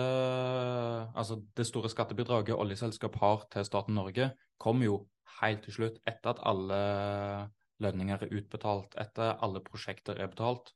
Så kommer den der eh, 78% skatten, ikke siter meg på det heller. Den veldig høye skatten vi setter på oljenæringa, kommer jo etter alt dette. Så det å gi oljearbeiderne veldig grei lønn, det koster ikke oljeselskapene så mye som det ville gjort et annet selskap. For de pengene hadde egentlig forsvunnet litt uansett. Mm. Så de, de kan å konkurrere. Nei, vi kjenner jo på det i Innlandet der vi kommer fra, at eh, det å få tak i fagfolk på forskjellige områder er vanskelig. For det at eh, både at mange jobber i olja, og at lønningene i olja er for høye. Altså, det er sånn at har, man har ikke råd til å, til å, lønne på det nivået da, for å konkurrere. Nei, og det er jo derfor mange av de ingeniørstillingene til grønne prosjekt mm. ikke blir fylt. Mm. For olja, olja har førsteprioritet. Ikke bare politisk i Norge, men det er de som har de økonomiske musklene til å velge hvem de vil ha. De, eh, ikke bare de skarpeste hjernene, men mm. alle hjernene er i oljenæringa. Mm. Ikke helt sant, selvfølgelig, men de støvsuger opp hele mm. alle arbeidsplassene. Men får du noe pepper for, at du er, for du er vel uh, utadvendt på at du er MDG, eller? Ja, altså innad i MDG så har det jo blitt lagt merke til at jeg jobber i olja, og det syns uh, de her er veldig morsomt. På jobb uh, Jobbintervjuet mitt når jeg starta i denne jobben jeg har nå, det gikk mest ut på at arbeidsgiver, min potensielle arbeidsgiver, jobba veldig hardt med å forsikre seg om at du Truls, du vet at dette er olje, og vi kommer til å sende deg offshore. Du er komfortabel med det. Så jeg følte meg veldig, jeg følte meg veldig velkommen med en gang når det var Men visste de da at du var MDG? Ja, da var det derfor de ønska å forsikre seg om at jeg var komfortabel med olje. For det var mm. Jeg var ikke helt sikre på om jeg forsto hva det var jeg gikk til når jeg mm. som men det, MDG. Men det faglige innafor der du jobber, det var det ikke noe tvil om? Nei, nei, det, det er kjempegøy. Mm. Uh, det var aldri noen tvil om at de ville ha meg heller, selv om jeg var MDG. Altså, mm. jeg har jo Du leser jo litt når du kommer offshore, altså det henger fort på ei tavle. Sist jeg var ute, så var jeg ute på Sleipner. For de som ikke ser på, men de som hører på, så kom jeg inn i studio med ei T-skjorte der det sto Sleipner på, en oljeplattform. Mm. Der står det jo på den ene veggen hvor mange velgere fra Miljøpartiet De Grønne tar det for å skifte ei lyspære. Og vi svarer unna begge to. Så det er jo Jeg valgte å se veldig mykt på det og, og lo med den, men det er jo ikke alle der ute som ler med oss. Det er jo en del som ler mot og av oss også. Ja. Så når jeg er offshore, så er jeg litt forsiktig med hvem jeg snakker politikk med. Nei, jeg er litt forsiktig med hvem jeg forteller hvor jeg står. Jeg er veldig klar for å snakke politikk med hvem som helst offshore. Det, de blir utfordra. Mm. Ja, men det, man skal jo normalt ikke være redd for det når man går på jobb. liksom at uh, ja, Én ting du skal gjøre jobben din, men, men i lunsjpauser, og, og, særlig når man er på et sted som en sånn oljeturnus innebærer, så bor du jo der ute en periode. og ja. Da må man jo få lov til å bruke fritida til f.eks. politikk. Som, som vi, alle vi som er her på det landsmøtet driver med. Ja, ja, ja. Men uh, Står du på noen liste eller noe sånt nå til valget? Jeg står på tiendeplass i Stavanger kommune og på trettendeplass i Rogaland fylke i uh, valget i år. Ja, det er, det er ikke så stor sjanse for at du kommer inn, da. Men det kan hende at du får et eller annet utvalg? Jeg får nok fort et utvalg og en varaplass, ja. I Stavanger nå så har vi fire plasser, og jeg, det ser ut som vi får beholde de, kanskje får en til. Kanskje Møstein, men det, det fikser vi jo i valgkampen. Eh, og så blir det litt vareplasser og litt utvalg, og det er koselig. Det liker vi. Mm. Ja. Eh, Men jeg er litt nysgjerrig på det oljenettverket ditt. Ja. Um, hva har du tenkt å gjøre med det som, som, som et nettverk? Hvor, hvor formelt eller uformelt skal det være? Altså Foreløpig så er det jo bare fem stykk som har funnet ut at vi alle MDG-ere som jobber i et eller annet nivå i oljebransjen, det er fem forskjellige jobber i fem forskjellige deler av Norge. Vi er representerte fra meg, som er søringen i Stavanger, til en som sitter oppe i Harstad på land og jobber for uh, Equinor. Så det er en god gjeng som prøver å styrke troverdigheten vår i spørsmål om olje og gass, og kanskje nyansere litt av oljepolitikken vår. Ikke for å endre den, ikke for å ha noen andre meninger, men for å få fram det vi mener på en måte som er litt mer spiselig, Mm. uten at det går på bekostning av målene våre. Jobbe inn mot partiledelsen, da, sentralstyre, landsstyre osv. Vi har uh, allerede sendt inn en uh, resolusjon til neste landsstyremøte, som ble veldig bra. Og vi har hatt i den forbindelse et digitalt møte med Ingrid, vår uh, alles kjære nestleder. Uh, og det var vår andre kjære nestleder, Lan, som hjalp meg med å, å realisere dette. Eh, når vi er på årsmøtet til Rogaland.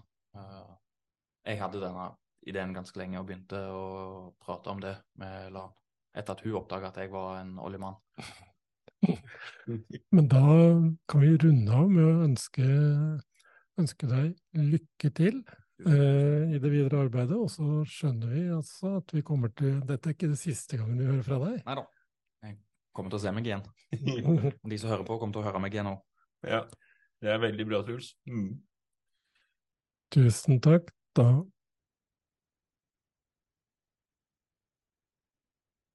Da kjører vi et lite opptak med Hans Joar her.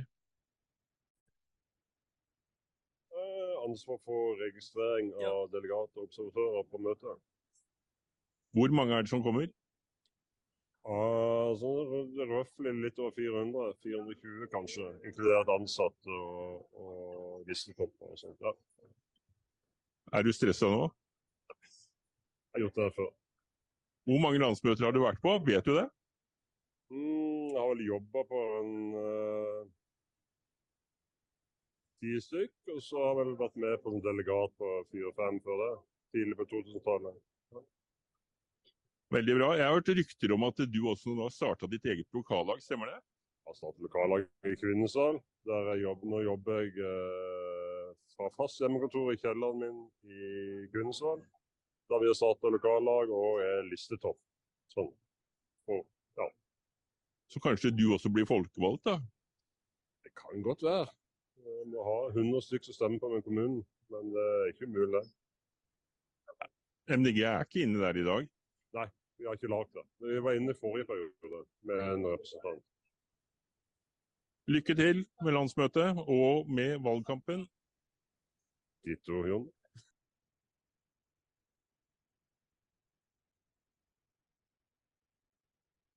Det var Hans Joar.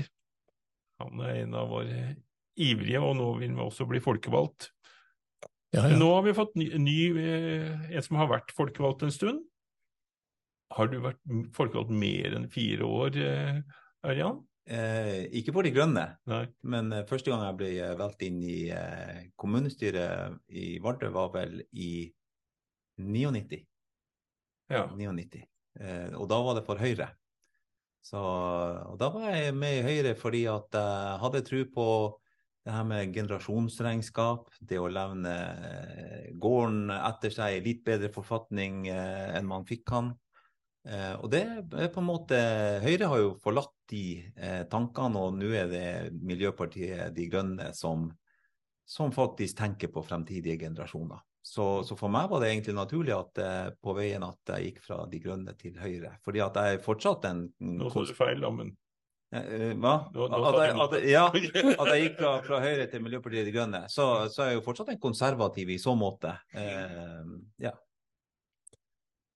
Men du er da, Ørjan Jensen, MDGs eneste ordfører i denne perioden som har vært. Så får, får vi jo se om hvordan det blir i neste periode. Jeg har jo hørt rykter om at eh, lysten til å være ordfører eh, nok er der, men eh, det er noen andre ting som også trekker i livet. Ja, nei, altså det er jo sånn at eh, jeg har hatt veldig positiv opplevelse med å være ordfører. Eh, og så har jeg jo samtidig et firma som, eh, som jeg ikke ønsker å på en måte legge ned. Og hvis jeg skal være ordfører i åtte år, så blir det såpass lenge i forhold til lover og regler, autorisasjoner, digitale oppdateringer og alt det som er rundt det som jeg driver på med. da, så Mm. så det, det, hvis ikke jeg skal legge ned firmaet, så, eh, så blir det en umulighet for meg å være ordfører i åtte år. Så, men jeg skal være folkevalgt. Eh, Vi stiller til valg. Vi har masse flotte saker. eh, Og vi har ei veldig god liste. Og, og jeg, jeg håper og regner med at vi kommer til å gjøre et eh, godt valg også, også til høsten. Spennende. Har du vært i Vardø?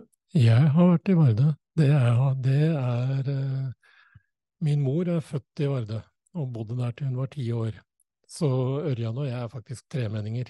Oi. Ah, okay. Vi har felles, ja. Felles oldeforeldre. vi har, eh, Vi har felles uh, eh, Oldeforeldre. Olde, oldemor. Ja, og, ja. Anton og Så- Konstanse. Anton og Konstanse, ja. Så um, han eh, Ja, og de kom jo til Vardø. Anton kom til Vardø uh, på begynnelsen av uh, slutten av 1800-, begynnelsen av 1900-tallet, og kom fra Dønna. Mm. Og Konstanse er litt usikker på hvor hun kommer fra, men, men de kommer da for å jobbe i Vardø, og det, da var det veldig stor aktivitet.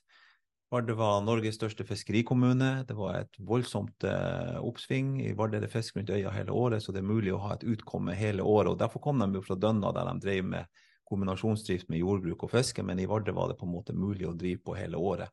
Og det er det enda. Men eh, nå er det jo sånn at eh, fisken fanges av stort sett eh, andre enn vardøværinger. Så da er det faktisk blitt litt, eh, litt vanskeligere å leve av eh, fiske i Vardø nå enn det var for eh, 100 år siden. Og det er litt, eh, litt rart å tenke på. Men hva lever folk av i Vardø da? Eh, Nei, er det altså- sånn at alle jobber i kommunen? Nei da. Eh, eh, Vardø, Vardø har eh, nest flest eh, aktive fiskere i hele Finnmark. Vi har 110 fiskebåter i kommunen. Det er vel en 130 fiskere i fiskerimanntallet, og så er det vel et hundretalls ansatte i fiskeindustrien. Mm. Så det er fortsatt en fiskerikommune, og fortsatt, eh, og fortsatt eh, veldig stor aktivitet. Eh, Det vi ønsker, det er jo at det skal være enda mer fiskeri, og at vi skal ha enda flere arbeidsplasser på land. For det som er nå i, i fiskeindustrien, det er at det er det er på en måte sesong, og det betyr at det ikke er helårlig drift i de her fiskeindustribedriftene. Og folk pendler inn og jobber istedenfor at de kunne hatt helårlig arbeid. Og, og bosette seg i kommunen og ta med kjerring og koffert og flyttelass og de her tingene. Så, så med, hvis vi hadde fått tilgang til mer fisk, så hadde vi fått flere lokale fiskere. Vi hadde fått eh, større lokale landinger og større muligheter for helårlig produksjon. Og Derfor er jo en av mine eh, viktigste kampsaker det er jo bl.a. at de kommunene skal få tilbake de her leveringspliktige trålkvotene. Og at, det, at det burde være distriktskvoter, sånn at fiskeriavhengige samfunn kan få kvoter som de kan eh, fordele til lokale fiskere. De kan rekruttere flere fiskere. Og man kan få landinger eh, i perioder av året når det er mindre aktivitet fra den lokale flåten. Så, så, eh, så, men fiskerisamfunnet Vardø det er, det er fortsatt et fiskerisamfunn, for å si det sånn. Og så er det selvfølgelig en del ja, kommunale arbeidsplasser, offentlige arbeidsplasser. Dere kjenner jo til Globus Globus, Toradarene og de her tingene, og, eh, og vanlig næringsliv. da. Men er det, mange, eller er det hemmelig hvor mange arbeidsplasser disse radarene har? Ja, om det er hemmelig vet jeg vel ikke, men eh, man får jo ikke akkurat et nøyaktig tall da. Men jeg tror det på, på Forsvaret er det vel jeg tror er rundt 60 Ja, eh, så det er- ansatte. Det er en betydelig arbeidsplass. Mm. Det er det. Og, og eh, det som er litt sånn, eh, det er jo en, eh, det er jo en arbeidsplass der Vardø tar på seg en jobb for, for Norge og for egentlig hele Nato. Mm. Eh, sånn at jeg, jeg bruker å bli av og til litt sånn eh, ja, eh, smågrinete eh, grinete eller irritert når folk sier at det er en distriktsarbeidsplass. For det er jo en arbeidsplass der man faktisk gjør en jobb for, eh, for alle landene i hele Nato. Det er slett ikke en distriktsarbeidsplass. Det er, det er et viktig for eh, veldig mange land, det arbeidet som gjøres der. Mm. Og Vardø har jo en, eh, hva skal jeg kalle det, en lang militær tradisjon med gamle Vardøhus festning, som jo ikke er bemannet nå lenger, men Ja. Nei, altså jeg er jo veldig glad i historie. Eh, og det er sånn at eh, Jeg vet ikke, har vi god tid? Kan jeg få trekke en liten historie? kjør på. Ja, vi, Ja. vi, vi Altså- starte stoppeklokka. Ja, eh, um, det her er jo, går jo langt tilbake i tid. Det var jo da, da eh, Europa var nettopp ferdig med korstogene til eh, Det hellige land, og eh, man på en måte tapte slaget mot araberne om Jerusalem og de her tingene. Og så kommer man inn i en periode der eh, den katolske eller kirka er delt i den eh, ortodokse, og så får du den eh, katolske da i vest og den orto ortodokse i øst. Mm. Eh, og da blir Da er jo i, i nord så har du da den ortodokse kirka i Russland. Og så har du eh, samer og sånn som er hedninger. Og den orto ortodokse kirka er også egentlig hedninger. Og da, da lager man ei kirke i Vardø. Det er altså Europas Jerusalem. Man lager ei kirke, og man bygger ei festning på 1300-tallet eh, for å markere eh, den rette tro, og her går grensa. Så, så Vardø er, og det er ikke så mange som klarer over det, men Vardø er faktisk Europas Jerusalem. Så det er litt artig. Men den festninga, det, det man vet helt sikkert, er at den ble, eh, ble etablert i 1307, og så er det noen som mener at den kanskje ble etablert allerede i 1260. Så det er litt sånn eh, strid om akkurat de tallene der, men det offisielle er nå 1307. Da. Og siden har det vært eh, forsvarsaktivitet eh, og festning i Vardø, og Vardø har passa på Norges grenser i, eh, i 700 år.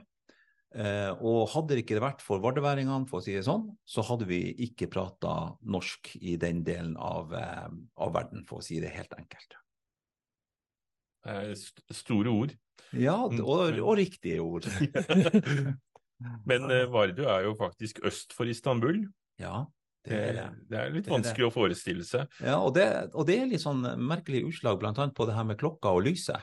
For at vi har jo egentlig eh, to Det er feil tid- feil Ja, vi har egentlig, vi er egentlig sånn nærmere to timer forskjellig fra den norske klokka. Mm. Sånn at når vi eh, våkner om morgenen, så, eh, så er, er ikke lyset enda kommet. Så det er jo veldig sånn her eh, Eller omvendt fra mørketida og alt sånt, da. Så, så vi er ikke helt eh, à jour med lyset i Norge i forhold til å være så langt øst, da.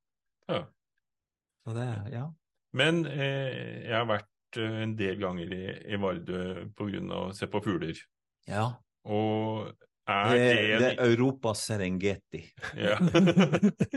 er det er det noe eh, interessant økonomi eh, altså er, Hvor mange folk er det som kommer da For det er jo et, det fuglefjellet i Norge som er lettest Ja. tilgjengelig, så der kan man gå Ja, og ikke bare det fuglefjellet i Norge som er lettest tilgjengelig, men det er sånn at for å se de fugleartene, spesielt polarlomvi og, og, eh, og en del av de her eh, fuglene, så er faktisk det det mest tilgjengelige fuglefjellet for de typen fugler i hele verden. Mm. Så det kommer eh, utrolig mye turister, og, så, og, så, og, selvfølgelig ikke bare for Hornøya, men, men det er jo arktiske fuglesorter i Pasvik og på myrområder og mange sånne ting. Men, men selve Hornøya er jo selvfølgelig rosinen i pølsa, da. Sånn Mm. at det kommer veldig mye fugleturister, og de eh, betaler for seg. Og så det er mye turisme fra begynnelsen av mars Mm. til midten av august eh, i forhold til fugleturisme. Mm. Så det er det. det er, det. og det er veldig viktig for oss at vi på en måte forvalter de ressursene eh, rett. Mm. Så mm, ja.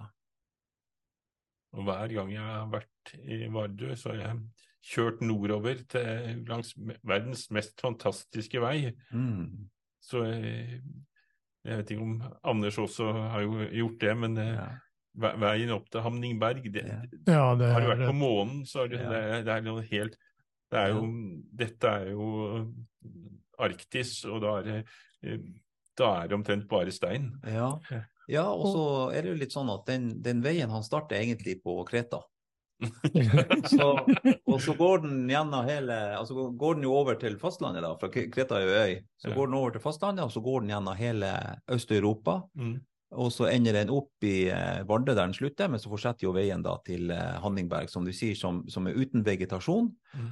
Så når jordplatene har på en måte møttes, og de her eh, steinene, for å kalle det for det, har, eh, så, så har de jo skutt opp sånn, og så, og så har du en eh, fantastiske steinformasjoner. Og, og hvert år så kommer det ganske mange turister også, og det er jo ikke så mange som på en måte kjenner det, for her er jo folk som har veldig høy kompetanse på det de holder på med. Det kommer hvert år veldig mye geologer, Mm. eh, sånne type fagfolk som syns at det her er utrolig interessant, for de kan observere ting fra istida og fremover som de ikke kan observere andre plasser, fordi at det ikke er vegetasjon i det hele tatt. Og da, så det, det som du sier, det er som, å, det er som er reise til månen, da. Og, eh, men, men, og, og der er også ved siden av veien, for man bare kjører veien, så ser man bare på det, det som er ved siden av veien. Hvis man kjenner til de her hemmelige Hemmelig plass, eller de her, eh, så er det utrolig mange flotte eh, områder eh, ved siden av veien. En bitte liten spasertur. Men da, som jeg sier, da må man litt, eh, da må man ha litt kunnskap om det. Så det er jo også et utrolig ynda plass for fotografer og sånn som vil ta bilde av, eh, av eh, fantastisk flotte ting. Da. Mm. Ja, jeg husker jo den uh, turen ut til Hanningberg. Det var altså for de av våre seere som ikke har vært der. Vi, når vi snakker om kampestein, så mener vi faktisk kampestein. Altså et hus kan bli lite, eller er lite i forhold til mange av de steinene som ligger der. Så må det jo, det må jo også nevnes at da, da kommer man altså til veis ende, da, som er ultimatule, altså jordens ende. Det heter jo det. Eh, og, da, og da kommer man til et fraflytta fiskevær som er utrolig godt tatt vare på, og som er der loka, altså lokalbefolkninga, de som bodde der eh, til det ble fraflytta på slutten av 60-tallet, begynnelsen av 70-tallet, som har tatt utrolig godt vare på de husene. og Det, det er som ei lita reise i tid når du kommer eh, frem. da, så Det er utrolig flott. og Der er kafé om sommeren og, og veldig mye aktivitet. Da. Så veldig fin kjøretur og veldig fin plass. Og, og for de av dem som ser på det her eh, greiene her, hvis du ikke har planlagt sommerferien, så er Vardø er en fantastisk eh, flott plass å reise til. og Utrolig mye å se og gjøre, og mange severdigheter og aktiviteter. Husk på, Vardø er jo en kommune som, som eh, ikke ble brent som resten av Finnmark eh, etter, eh, eller på slutten av andre verdenskrig, men ble selvfølgelig hadde eh, Europas fleste bombeangrep, så mye av by, byen ble jo bomba da. Men det sto altså mesteparten av, Finnmark, av bebyggelsen i Finnmark som sto igjen etter krigen, står i, står i Vard. Og, det, og veldig mange av de gamle praktbyggene er jo der ennå. Så utrolig mange flotte bygg og utrolig mye historie å, å få med seg i, eh, i Vardø. Mm. Men eh, nå har vi jo endt opp med en eh, politiker som bare driver og selger kommunen sin. Eh, og hvordan Eller ord, ordfører skal Ja. Det er jo en del av ordførerens oppgave, det. Så Ja. det er ikke noe tvil om det. Men mm, eh, jeg har vært folkevalgt i åtte år i en kommune som det er eh, tatt vel imot som folkevalgt og mm, jeg snakker godt med Mm. alle partiene og sånn, men sånn er det ikke i alle kommuner. Hvordan er eh, klimaet i kommunestyret i Vardø? Sånn eh, er eh, I og med at du ble ordfører, så Mm. regner jeg jo med at det der Ja. er rimelig greit. Det er ikke noe sånn at man er veldig dårlige stemninger der, men nå Nei, altså mm, eh, Miljøpartiet er jo et kunnskapsbasert parti. Mm. Eh, og, og, og jeg er jo også på en måte relaterer meg til kunnskap. Mm. Og så vet man jo en del ting som faktisk funker. Mm. Eh, og det å skape dialog mellom politikere og mellom politikere og administrasjon, mellom politikere og folket, mellom administrasjon og folket, altså det funker. Og, og det å skape tillit mellom de her partene, det funker. Og som dere har hørt nå, det å skape optimisme og positivitet funker. Og det er på en måte sånn jeg har også jobba i, i politikken. Det å, å ha god dialog med de andre politiske partiene, administrasjonen og alt det her som jeg nevnte. Og da skaper man tillit, eh, og så må man selvfølgelig prate om sin plan, eh, sin visjon for samfunnet.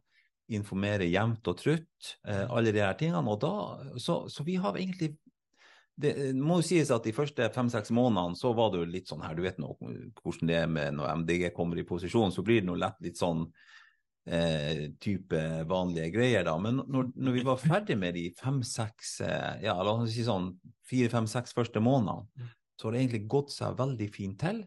Vi har et veldig godt eh, si, miljø og, og sånn i kommunestyret. eh, jeg er jo påpasselig med å, å, å dele æra når, når ting går bra, og så, og så bruker jeg å si når det, ting går dårlig at eh, det, her, er- det her må vi ta ansvar for, og så må vi fikse det. Mm. Eh, og, og, og da kommer man til livs eh, mye av de her konfliktene og, og sånne ting. Så, så jeg prøvde å jobbe på en sånn måte, og jeg tror at eh, eh, Man kan jo se i veldig mange små kommuner så er det mye konflikter mellom politiske parti eller mellom politikere og administrasjon. Det er mye rådmannsbytter og, og sånne her ting. Og vi har klart å unngå alle de tingene. Nå skal det selvfølgelig også nevnes at det er jo litt lettere når du har en eh, flink administrasjon, og vi har egentlig en veldig flink eh, administrasjon, og det gjør jo denne jobben selvfølgelig mye lettere. da. Mm. Hvor, eh, for sånn vanlig fakta for de fleste der ute, som når man sier Vardø, så tenker man bare på den lille øya der ute i havgapet, men Vardø er jo mye større enn det. Ja, eh, hvis man nå, hvis man nå tar hele kommunen, da. Det er to tester. Det er Vardø og Kiberg. da. Eh, så, men, eh, men, men fastlandet er jo også eh, Det vi en stor del av fastlandet, ja. Kommunegrensene går jo langt innover fast, fastlandet. og, og, og vi, er vi har jo både nasjonalpark og mange reservat og mange sånne. Så, så, men så har vi jo Forsvaret som gjør at vi, eh, vi ikke kan bl.a. etablere vindmøller og forskjellige sånne ting. da, Men, men eh, øya, altså kommunen er mye større enn selve øya. ja. Ja. Mm, ja. Og antall mennesker. Vi er, vi er Per 1. januar så var vi 1933.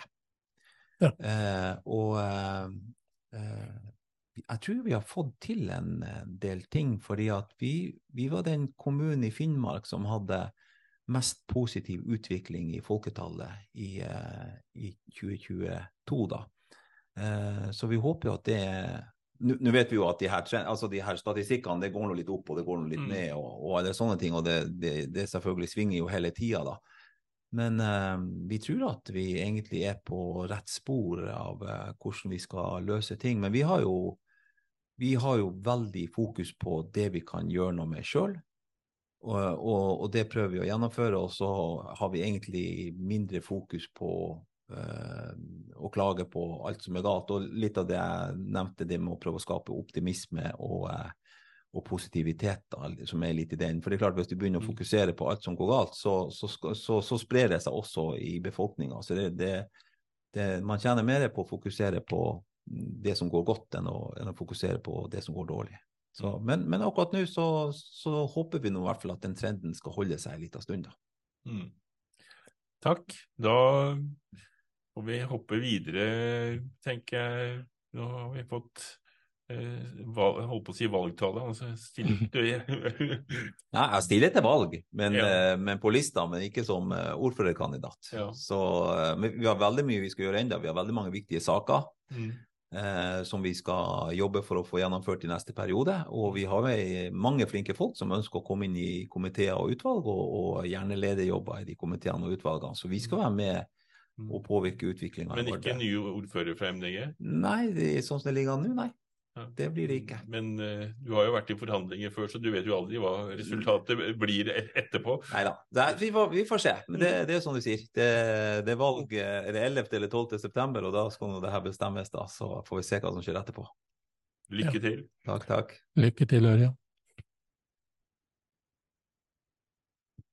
Men da eh, er det sånn at vi har en eh, landsmøtegeneral da, som vi har tatt opp, eh, hadde et liten samtale med. Men eh, landsmøtegeneraler er jo veldig opptatte, så hun hadde ikke helt fokus i starten på samtalen, men dere kan jo følge med.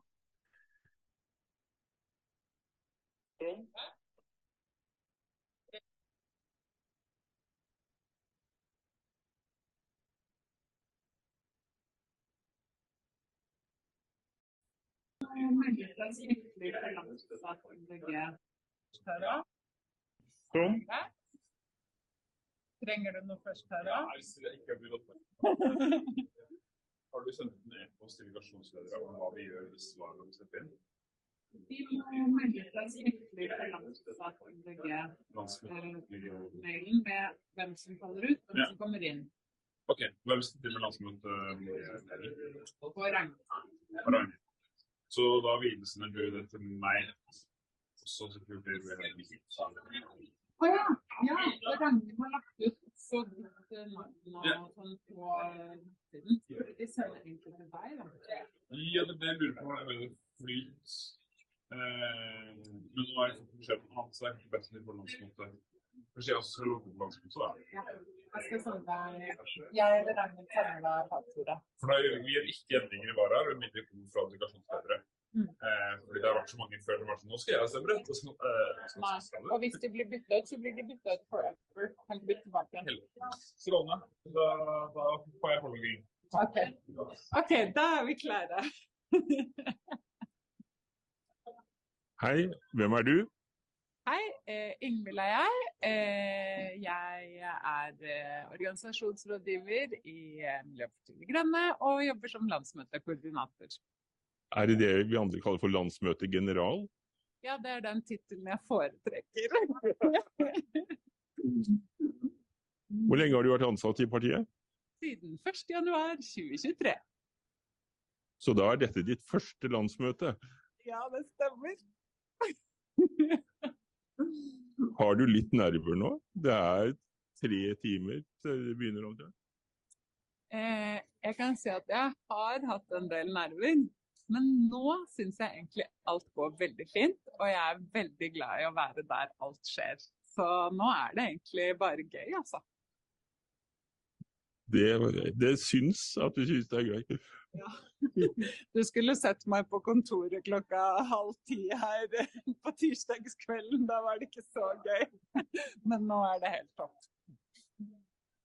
Men er du noe engasjert politisk på noen som helst måte? Det, det har jo vært en tendens til at det- folka som da jobber på partikontoret også da er folkevalgte rundt omkring og sånn. Er du partimedlem f.eks.? Det er konfidensielt. Men ja, det er jeg. Eh, Det har jeg vært siden 2020. Eh, Og jeg er ikke folkevalgt, men jeg er leder i Gamle Oslo eh, MDG. Eh, Og jeg er også styremedlem i De grønne glitrende. Herlig. Lykke til. Tusen takk. Lykke til til deg også. Takk for at du er her.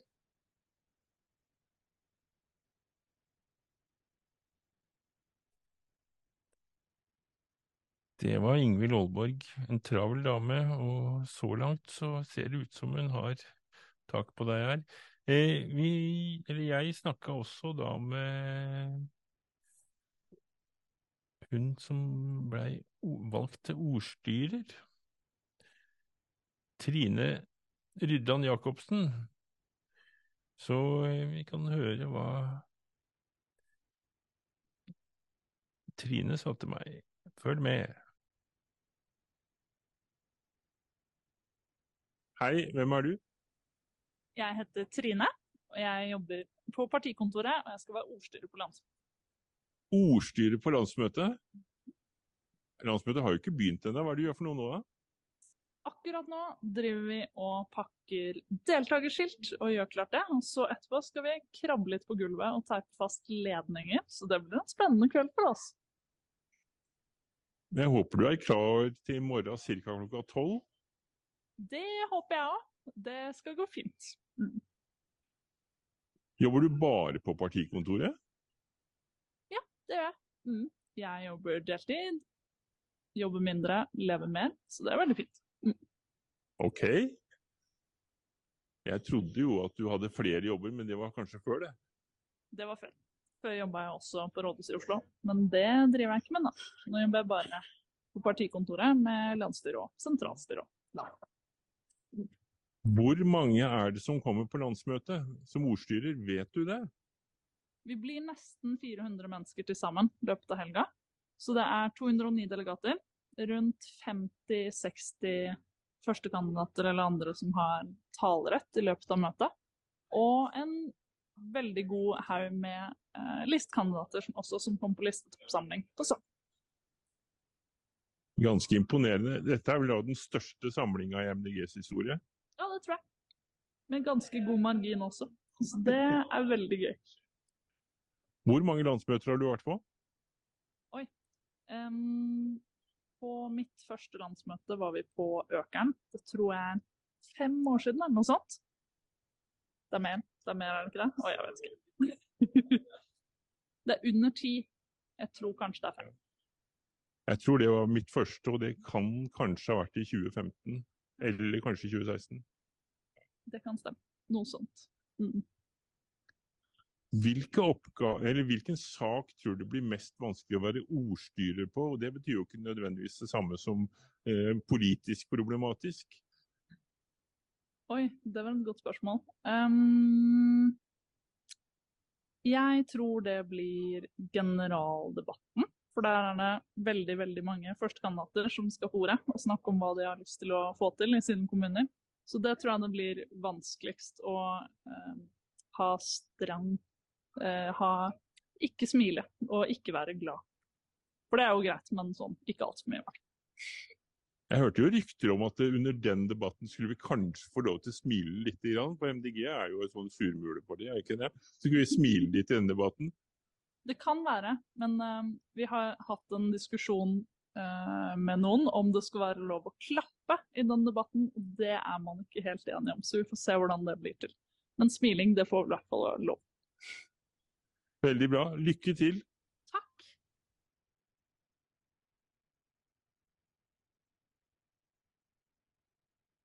Det var takk til Trine. Eh, Anders har eh, snakka med en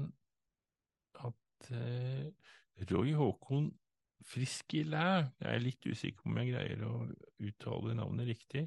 Han er fra Vadsø, ganske ferskt medlem, men eh, stort engasjement. Og absolutt verdt å høre på. Da hører vi på han. Vær så god. Da har vi fått ny gjest i studio. Kan du presentere deg sjøl litt, hvor du kommer fra, og hvorfor du i all verden har funnet veien til et MDG-landsmøte? Ja, mitt navn er Roy Håkon Friskele. Jeg er leder for MDG i Vadsø. Jeg er nummer to på lista. Jeg ble rekruttert på jobben min eh, for to måneder siden. Jeg ble eh, forespurt om jeg kunne bli leder der etter hvert, og jeg takka ja til det. Og nå er jeg blitt invitert på landsmøtet, noe jeg ser som en stor ære. Og, eh, og nå kan jeg se hva jeg virkelig tar del i. Og jeg, jeg, jeg føler det at det her er noe som er større enn meg sjøl. Det er noe jeg har brent for i alle år, å kjempe for miljøvern og utvikle samfunnet. Ja. Mm. Så du er, helt, er du helt Forstår jeg det riktig, du er helt fersk i MDG også? Ja. ja. Og rett på første landsmøte? Rett på første landsmøte, ja. og rett inn i ledelsen i lokallaget? Ja. ja. Men her nøler vi ikke i svingene. Det går fort unna. Ja, jeg kjenner til det. Jeg har vært på noenlunde samme reisen i sin tid, jeg også.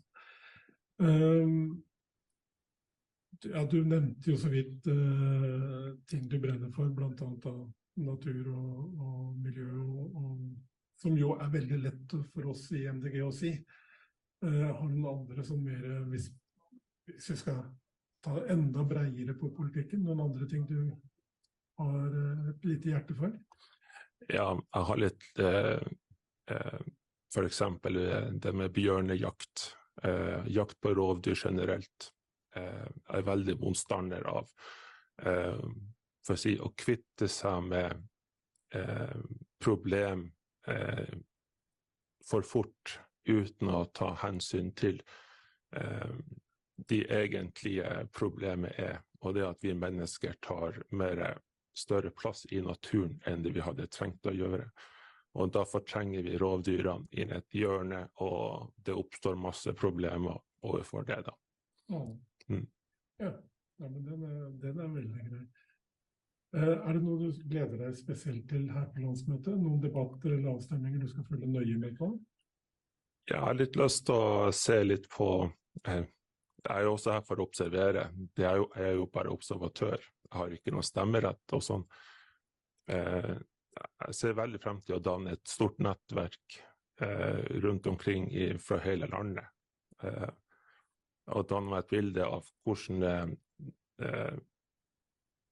ja, bilde av hvordan det hele eh, sentral blir styrt, og, og alle prosessene som eh, skal til for at det skal bli eh, gode vedtak. Eh, jeg ser virkelig frem til det med energi, for at vi i øst eh, Finnmark vi sliter virkelig det med, med energi. Eh, vi står på null. Eh, eh, vi kan ikke gi strøm til noen nu, akkurat nå. Så vi, eh, vi er helt avhengig av det å, å eh, få mer råd og rådgivning overfor det. Uh, ja. Ja, men du, uh, nå datt det ut av huet på meg hva jeg skulle si, men det er ikke så farlig. Uh, det, vi kan hoppe videre til listetoppsamlinga på søndag. Der eh, har du noen forventninger til den, eller noen ønsker? Mine ønske på Lisetoppsamlinga, det er faktisk å eh, Mitt hovedmål er å bli kjent med alle, eh, så mange som mulig. Og, å, å eh, ta med meg masse gode ting med hjem. Og det skaper faktisk eh, så stor iver i meg sjøl at eh, jeg har lyst til å bidra enda mer. Det, det store eh, For meg som er fra Finnmark, vi har ikke så stort miljø.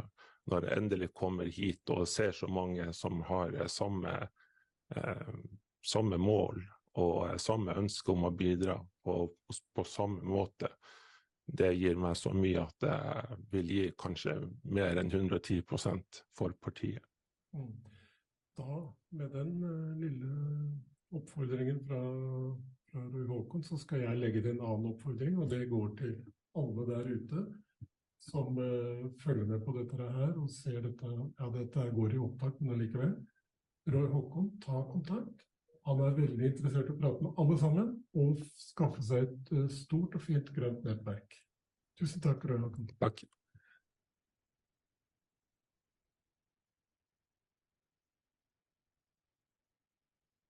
Kjør. Da har vi hørt på en fra Vadsø, og nå har vi en Han bor jo i hvert fall i Oslo. Er du opprinnelig fra Oslo også, Arne Håvet? Uh, nei, eh, det er veldig, veldig mange som blir veldig overrasket over det. Men jeg er opprinnelig faktisk fra Molde. Fra byen Molde. Født der. På fylkessykehuset. Sier du i, da, eller? Jeg kan legge om hvis du vil, ja, men jeg sjelden gjør det. Se der, ja. ja. Ja, men velkommen til oss. Takk. Hvorfor er du på landsmøtet, eller hva er du brennende for på landsmøtet i dag? Ja, for det er jo to forskjellige spørsmål. Ja, ja, ja. Du- du ble delegat, og derfor ja, var det- jeg er delegat. Ja. Du, eh, vi skal diskutere prinsipprogram, vi skal diskutere EU, vi skal ha flere viktige debatter i generaldebatten. Det er eh, superviktig. Landsmøtet er jo liksom også nyttårsaften på en måte, ikke sant, for partiet. Det er etter landsmøtet så er det nytt år. Det er jo litt sånn, føler jeg. Eh, jeg syns det er kjempestas å være på landsmøtet. Jeg har vært så privilegert at jeg har vært for flere på rad. Så det, derfor er jeg her. Skal du si noe i generaldebatten? Jeg har sagt noe, nei ikke i generaldebatten, jeg har sagt noe i prinsipprogramdebatten. Ja. Eh, nå skal Nei, vi rett over i etter dette her skal vi votere over det, men jeg tok til orde for at vi skal ikke Skal jeg prøve å formulere meg litt diplomatisk, da? Jeg prøvde at å få snakke om at vi måtte sørge for at vi ikke vedtok ting som gjorde at vi kanskje ikke hørtes så blokkuavhengige ut som vi faktisk er. For vi er ikke røde, og vi er ikke blå, men vi er grønne. Mm. Nei, og jeg har også tenkt det at det, det kan hende at man legger føringer man angrer på i ettertid. Ja, og, Ja. og, og jeg og mange med meg, jeg tror veldig mange i den grønne bevegelsen, og veldig mange av våre medlemmer, veldig mange av våre aktive, på en måte ikke hørte hjemme i Høyre eller Venstre, ikke hørte hjemme i SV eller Arbeiderpartiet, og derfor ble det MDG. Mm. Og det syns jeg vi skal hegne litt om. Mm. Men eh, Ok, nå blir det spennende. Ja, nå, nå, nå, men. Nei, altså vi må jo vi må drive denne uh, samtalen litt fremover, for det, vi har jo akkurat fått høre det er votering hvert øyeblikk, og der skal du og, derfor skal, og, og, og, og du må løpe for å rekke den voteringen. Uh, du er jo heltidspolitiker nå, Ja, og kommer ikke til å være det etter høsten. Nei, sannsynligheten er jo litt kan faktisk ikke utelukke det, men sannsynligheten er jo litt liten. Så etter en stund etter valget, rent sånn formelt, så går jeg over i noe annet. Eh, Det vet jeg allerede hva er. Jeg, så det kommer til å bli noe kjempetema. Vi kan gjøre det jækla kort, og det på en måte. Og det er at eh, da skal jeg, med tiden stund etter det, så skal jeg over i pappaperm. Fordi for tre uker og én dag siden så ble jeg far for første gang. Ja. Så det er jo en ganske grei sånn situasjon strengt tatt å bytte fra å være heltidspolitiker til å være heltidspappa. Det, Det ja, er, det er like altomfattende begge deler. ja, det, jeg vil tro det siste er nesten mer altomfattende og mer på en måte frustrerende og fantastisk på samme tid. Mm. En, jeg ble litt stum. Eh, Men er dette. Men det, det er- nesten så du skulle tro at det var eh, tima og planlagt, eller tima og tilrettelagt, som Egon Olsen ville ha sett. Kan jo være litt sleivete og morsom, ikke sant? Altså det, hvis, jeg, hvis jeg får det til. da. Eh, termindato for min datter Laura var egentlig 9. april, så jeg hadde jo masse sånne spøker og kallenavn klart. ikke sant? Mm. Men hun var ti dager over, så da liksom fallerte hele det greia der. da. Så Mm. det var, jeg, liksom, jeg kan ikke si jeg er bitter for det. Er fryktelig glad for at Alex gikk gikk. Yes. Um, Pappaperm, ja, det var, det var ikke det svaret vi Nei, hadde det, ventet. blir, det blir jo en brå overgang. Ja. Ellers pleier jeg å spøke om at liksom, ikke sant, nå nærmer jeg meg 50, hva fucking kan det bli da? Når du liksom skal ut i arbeid, vanlig arbeidsliv igjen. Mm. Så ja, altså, i verste fall så får det bli olje- og gassnæringen, da.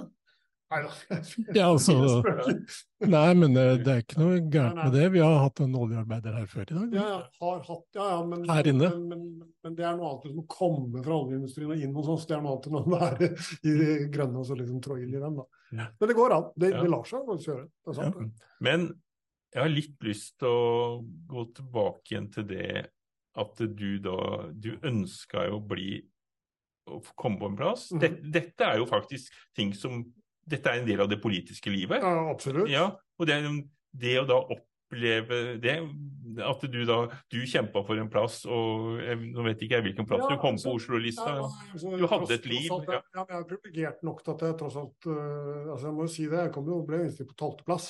Mm. Og havnet på tolvteplass. Og i Oslo er ikke det så helt gærent, det, på en måte. Mm. Uh, men det er en realitet da, i Mm. politikken at du taper i gåseøyne. Mm. Og så må jeg jo holde fast ved noe som jeg virkelig gjør, og det er jo at å få lov til å være politiker, som jeg har gjort delvis på heltid i fire år, er jo isolert sett uansett et fantastisk privilegium. Og Mm. kanskje særlig, ikke til forkleinelse for noen andre deler av MDG, men kanskje særlig Oslo, som tross alt, hvor vi styrer over et, noe svært som Mm. Oslo kommune, og det å være en del av det. Om det da bare i Gåsøen ble fire år hvor jeg gjorde det på heltid, Mm. så er jo det allikevel Det er jo helt, det er helt psykofett. Altså, det er Mm. dritrått. Mm. Så jeg tenker mer sånn. Så må du jo Du var jo skuffet ja, da det skjedde. du gæren? Ja. Jeg dritskuffa, selvfølgelig var jeg det. Samtidig så vet jeg at det, det var jo noen åpenbare grunner. Jeg tror ikke det hadde så mye med meg å gjøre, det var jo noe med liksom kabalen å gjøre også, Ja, som gjør at jeg ramla ut. Mm. Og det er, mener jeg, det må du bare ta med deg når du er politiker. Og så er det jo alltid mulig å komme tilbake, selvfølgelig. Um, men jeg holder litt fast ved det at uh, uansett hvordan dette her går, så Jeg kan ikke utelukke at det skjer noe etter valget heller, du kan jo gjøre et brakvalg. Men uansett så, så har jeg hatt fire kommer jeg til å ha hatt fire fantastiske år. En kjempekul valgkamp og i det hele tatt. Og så er det jo en del av meg da Ja. som tenker at fankeren heller, da. Det er jo ikke bare kult å være politiker. Det er jo noen ganger det er ganske Dritt. Ja, rett og slett. Det er jo det. Ja. Det er, det er det miljøet jeg har vært i noen ganger med liksom spisse staber på tvers av partier og internt i partier. Ja, Selv om jeg jobba i finans i London. Det var ikke sånn. Mm. Det var mye liksom eh, roligere og mildere, Mm. tro det eller ei. Så det er noen sånne elementer med det òg, men, men ja. I, hvert fall første par ukene så var jeg ganske skuffa. Klart det. Mm. Jeg brenner jo for dette. her, liksom. Ja. Da har vi et minutt før du må Ja, ok. løpe. Du skal spørre meg om. Nei, men da kan du svare med en gang, du. Ja, okay. uh, nei, du skulle spørre meg om sit- et annet sitat. med. Jeg har et sitat fra Arne. Arne var min første lokallagsleder. Uh, Da jeg meldte meg inn i MDG, så havna jeg hos Arne, og det var, eh, det var kult, det. Da dro vi på en uh, matdebatt. Ja, vi, hadde en, vi hadde en matdebatt i, i Oslo MDG, mm. arrangert delvis av Frogner, tror jeg. Frogner MDG. Eh, og hvor jeg Du har en litt annen variant av det sitatet. Fordi jeg mener at jeg sa at jeg var veganer som av og til spilte spiste vegetarisk. Mm. Uh, på en måte går jo ikke an å si det. Og jeg forklarte dem at stadig vekk så går jeg på en ostesmell. Mm. Og jeg Ja. tror det var litt det jeg sa. Poenget mitt er jo liksom at det er, det er noen idealer som jeg gjerne strekker meg etter, og som, som, og jeg mener også på en måte er etiske ting jeg ønsker å følge, men det er jo ikke alltid jeg greier det. Nå får du springe til votering. Ja, det. Ja. Takk skal du ha. Lykke til. Ha det bra. Løp, løp, Takk, løp. Arne. Tusen takk. Der sprang Arne til votering. Eh, vi har noen eh, flere opptak her. eh. Jeg vet ikke, du snakka med to jenter fra Toten. Ja, eh, som eh, jeg har vokst opp på Hadeland, og da er det moro å møte totninger. Ja. Nei, men jeg lurer på om vi skal prøve å kjøre eh, de også, jeg. Og så eh, vet ikke jeg hva du snakka med de om, men det kan jo Skal du røpe det på forhånd, eller skal det bare komme av seg sjøl, eller? Dette er jo lenge siden, jeg husker jo ikke sånt. Nei. Det er flere timer siden.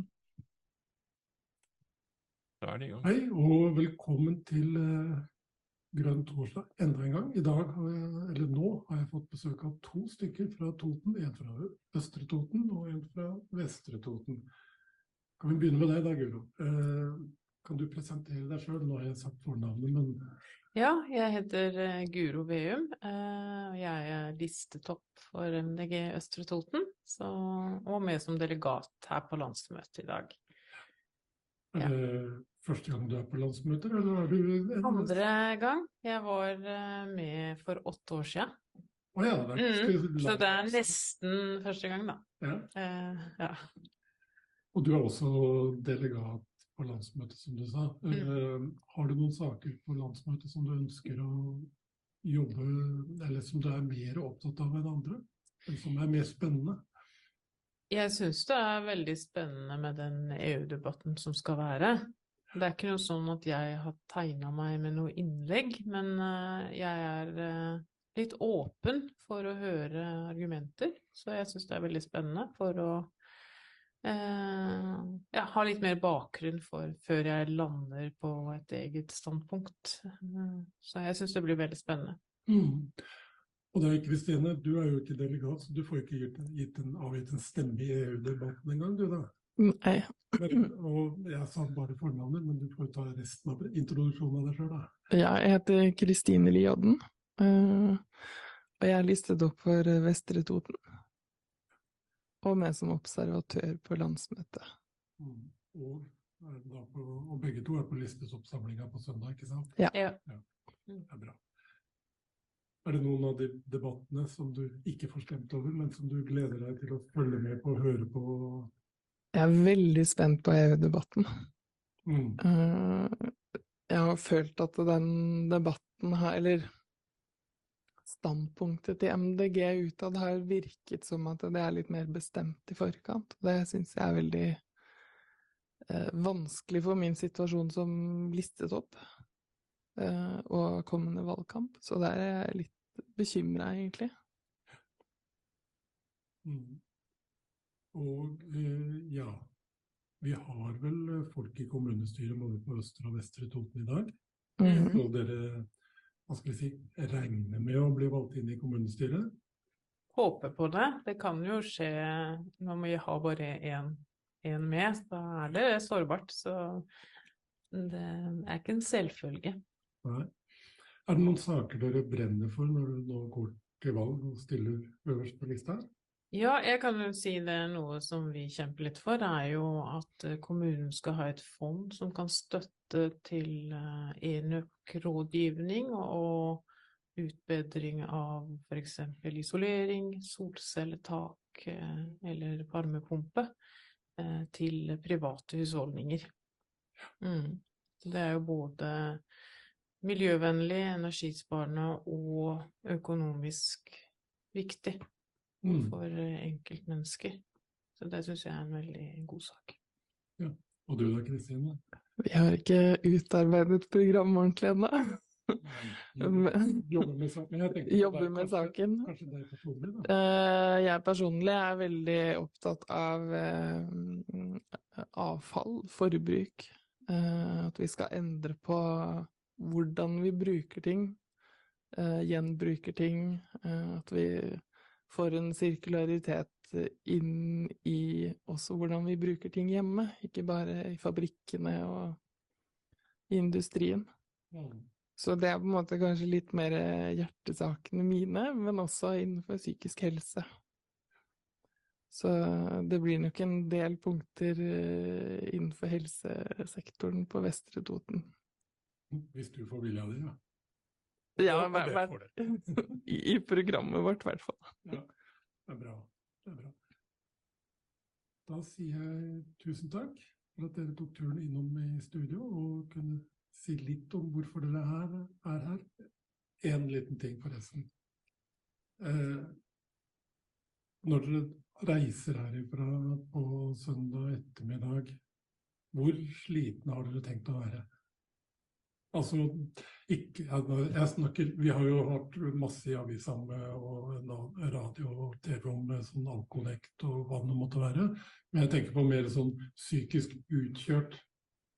Når man er liksom eh, toppkonsentrert i en hel helg, da Ja, jeg tror vi blir ganske sånn uh, metta på inntrykk.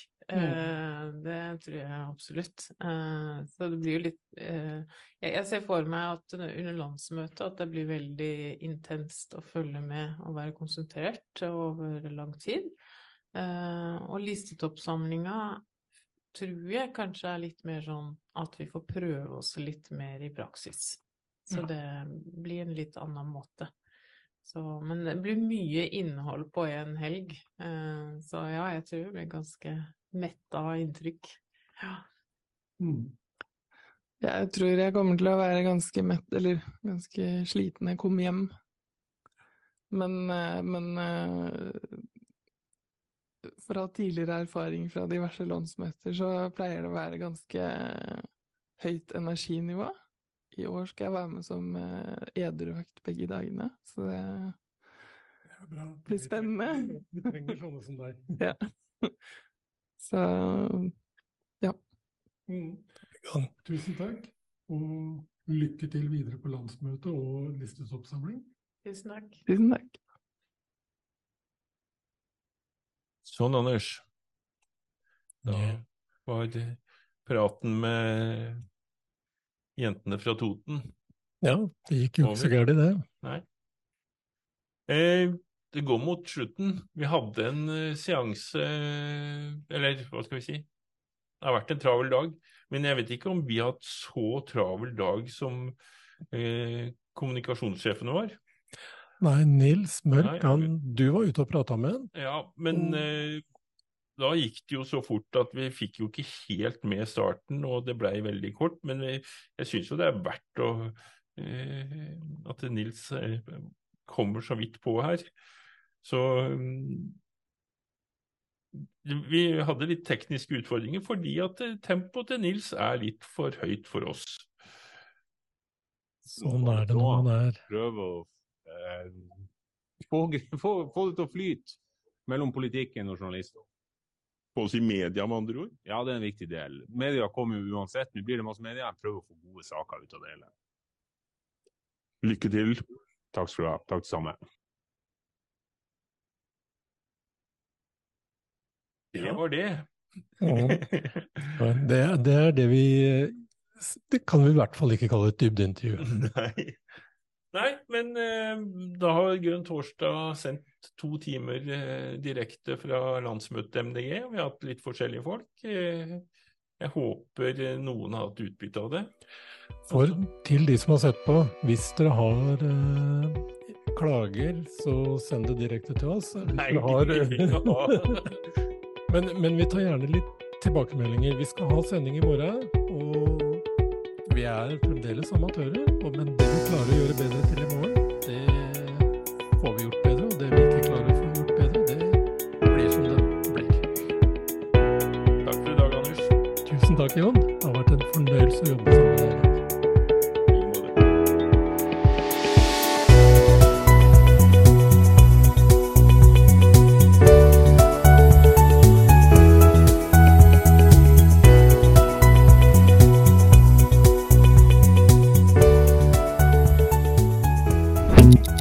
Grønn torsdag.